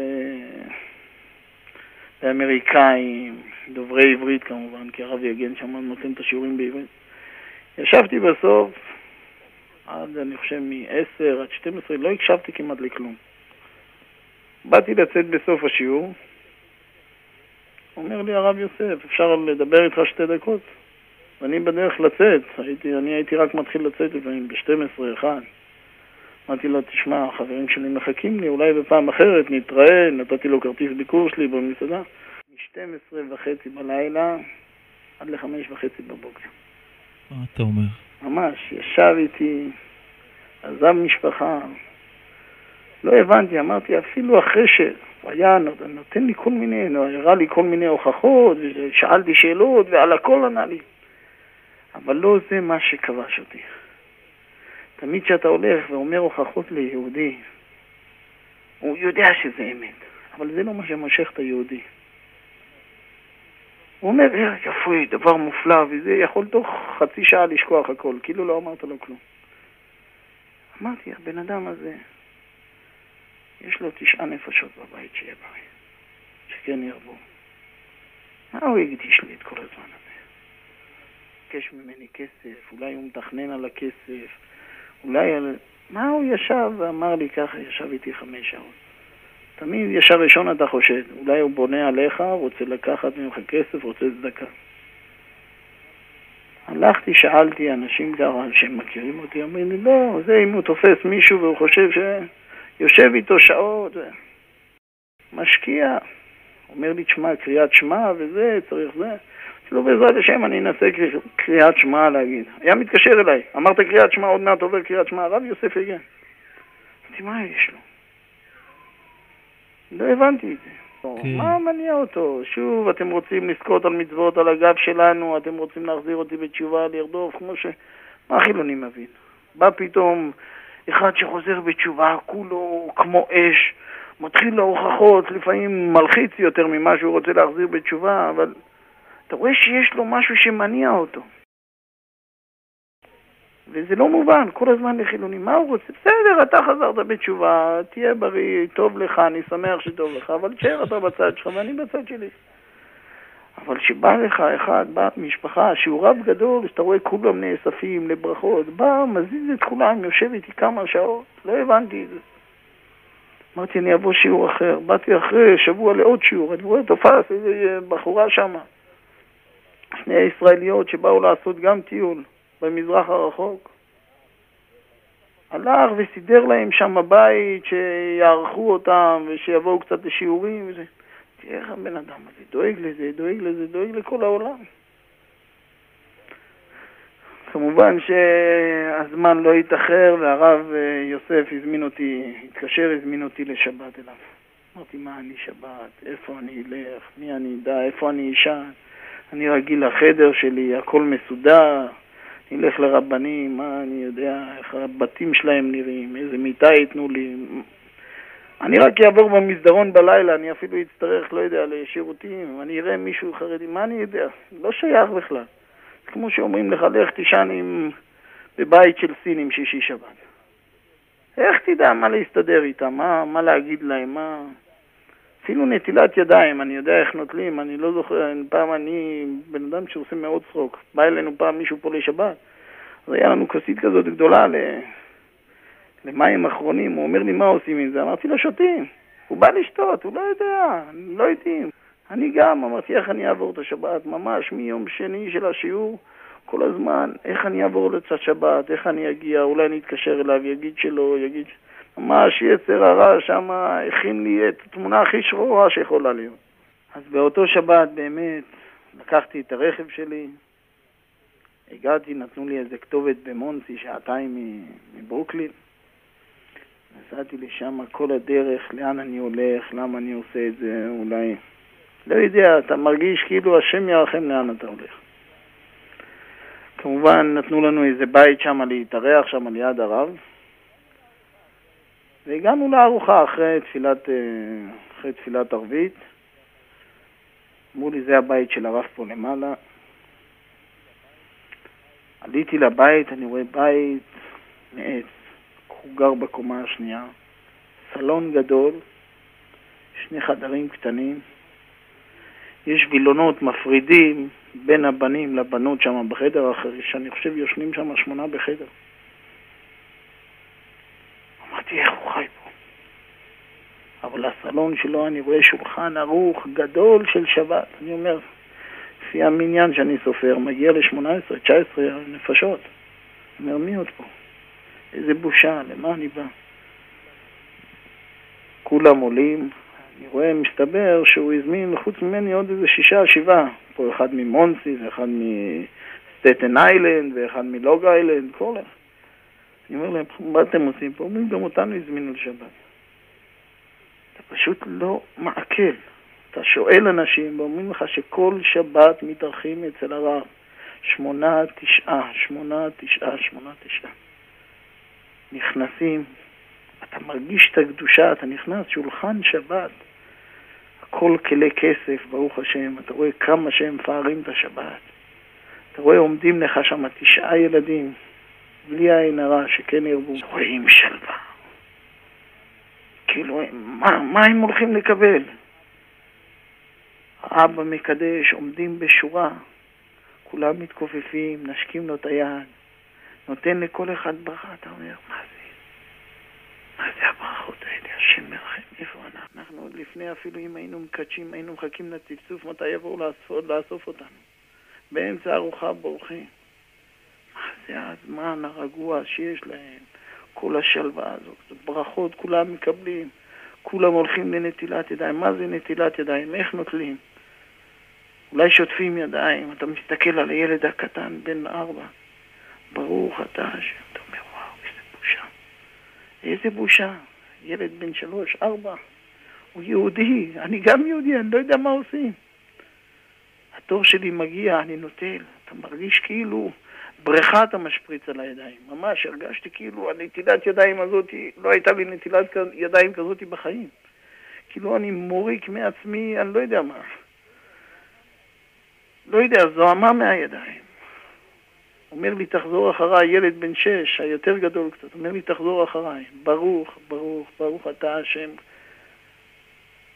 אמרתי, מה זאת הברכה הזאת? לא הבנתי, אתה מבין, הכל חדש. כשאתה תואם הכל חדש, כל ברכה אתה מכוון בה, אני לא יודע, אפילו שאתה לא יודע לכוון, אתה מרגיש אבל שיש בברכה הזאת משהו. אתה יושב, פתאום, אתה רואה האישה יושבת מול הרבנית, יושבת מול הרב. אתה אומר, מי עכשיו מה? מי בא להגיש? ישר אחרי הקידוש, אתה רואה כל הילדים, כל אחד זה מביא זה, זה מביא זה, זה. אתה אומר, מה זה הסדר הזה? בלי להגיד, בלי זה. אתה אומר לו, אני משפחה כזאת, אני רוצה. איפה הימים שהיינו חוזרים עם חול בין האצבעות של הרגליים, עייפים, שזופים, משהו שצורב האור, באים, לא יכולים לנוח, לא יכולים זה, רצוצים, עייפים, חושבים איך נתחיל שוב את השבוע. איפה הימים האלה שאין, אין אפילו שרוצים לבלות, חוזרים יותר עצבנים ממה שיצאנו.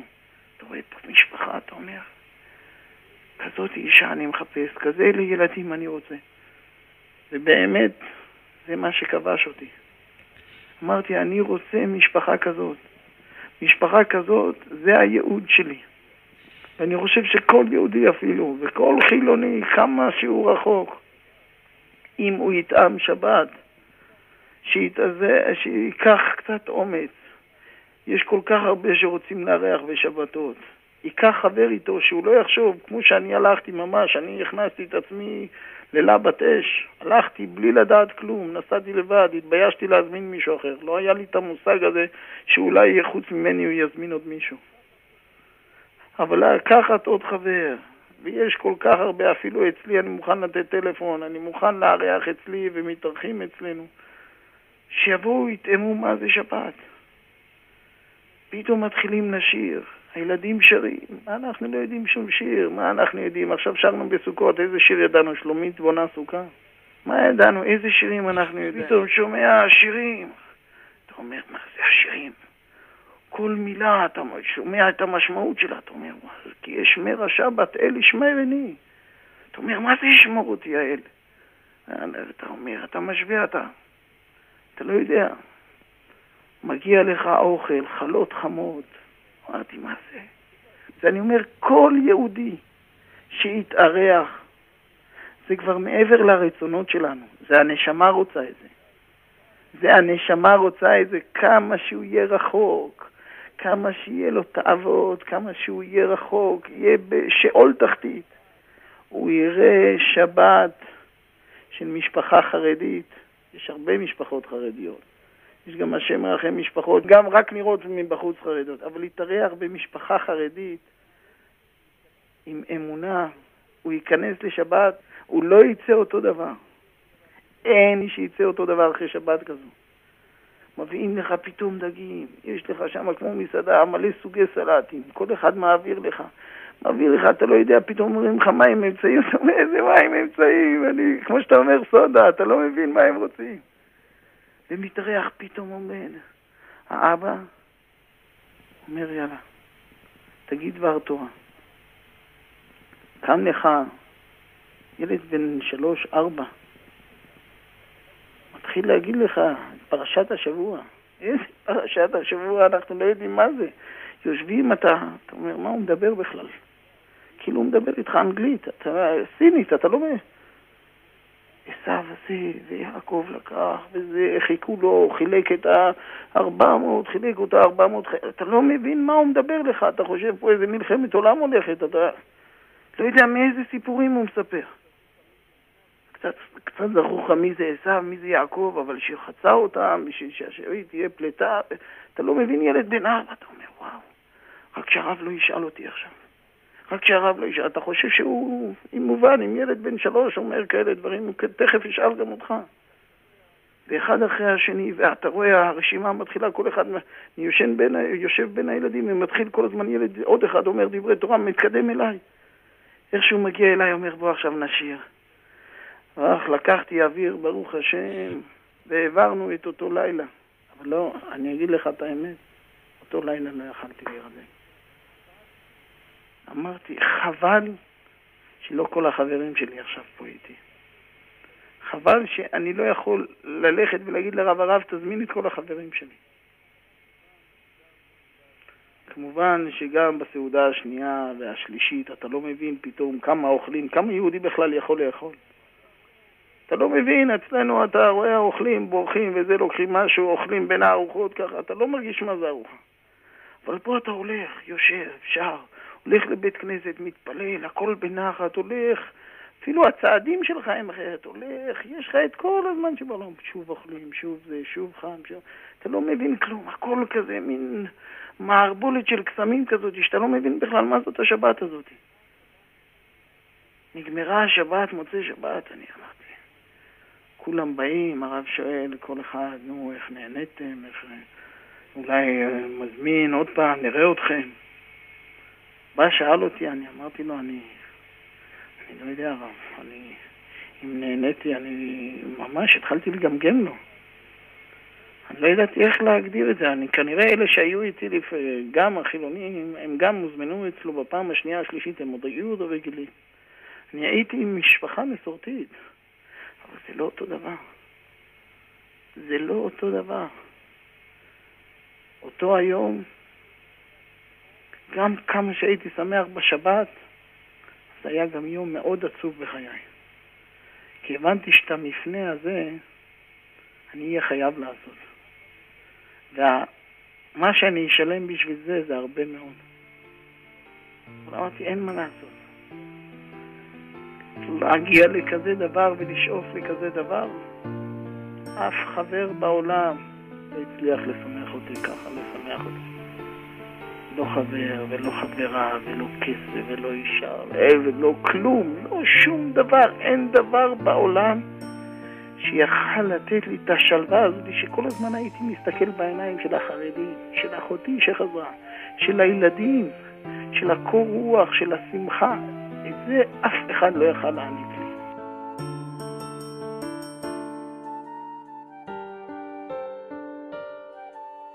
אין אחד שיטעה, ששומר שבת כהלכתה, בשמחה, בשירה, בזמרה, שיכול לצאת כמו שהוא נכנס. אין כזה דבר בעולם.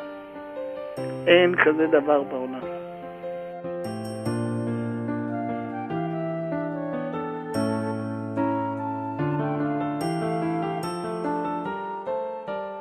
אנחנו מאוד מודים לך ורוצים לומר לך תודה רבה, וניפרד כאן ונאמר לך שלום עליכם. שלום עליכם.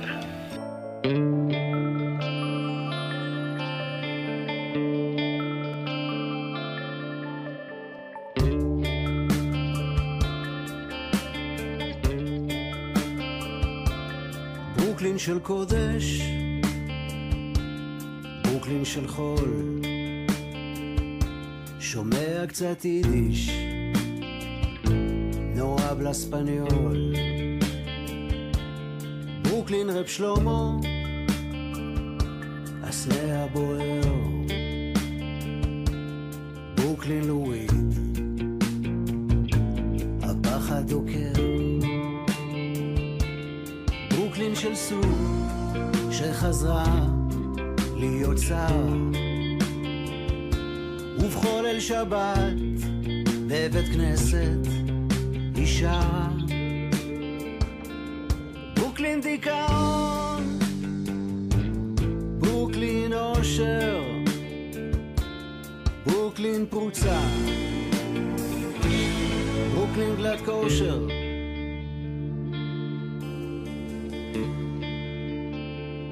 על הדרך לברוקלין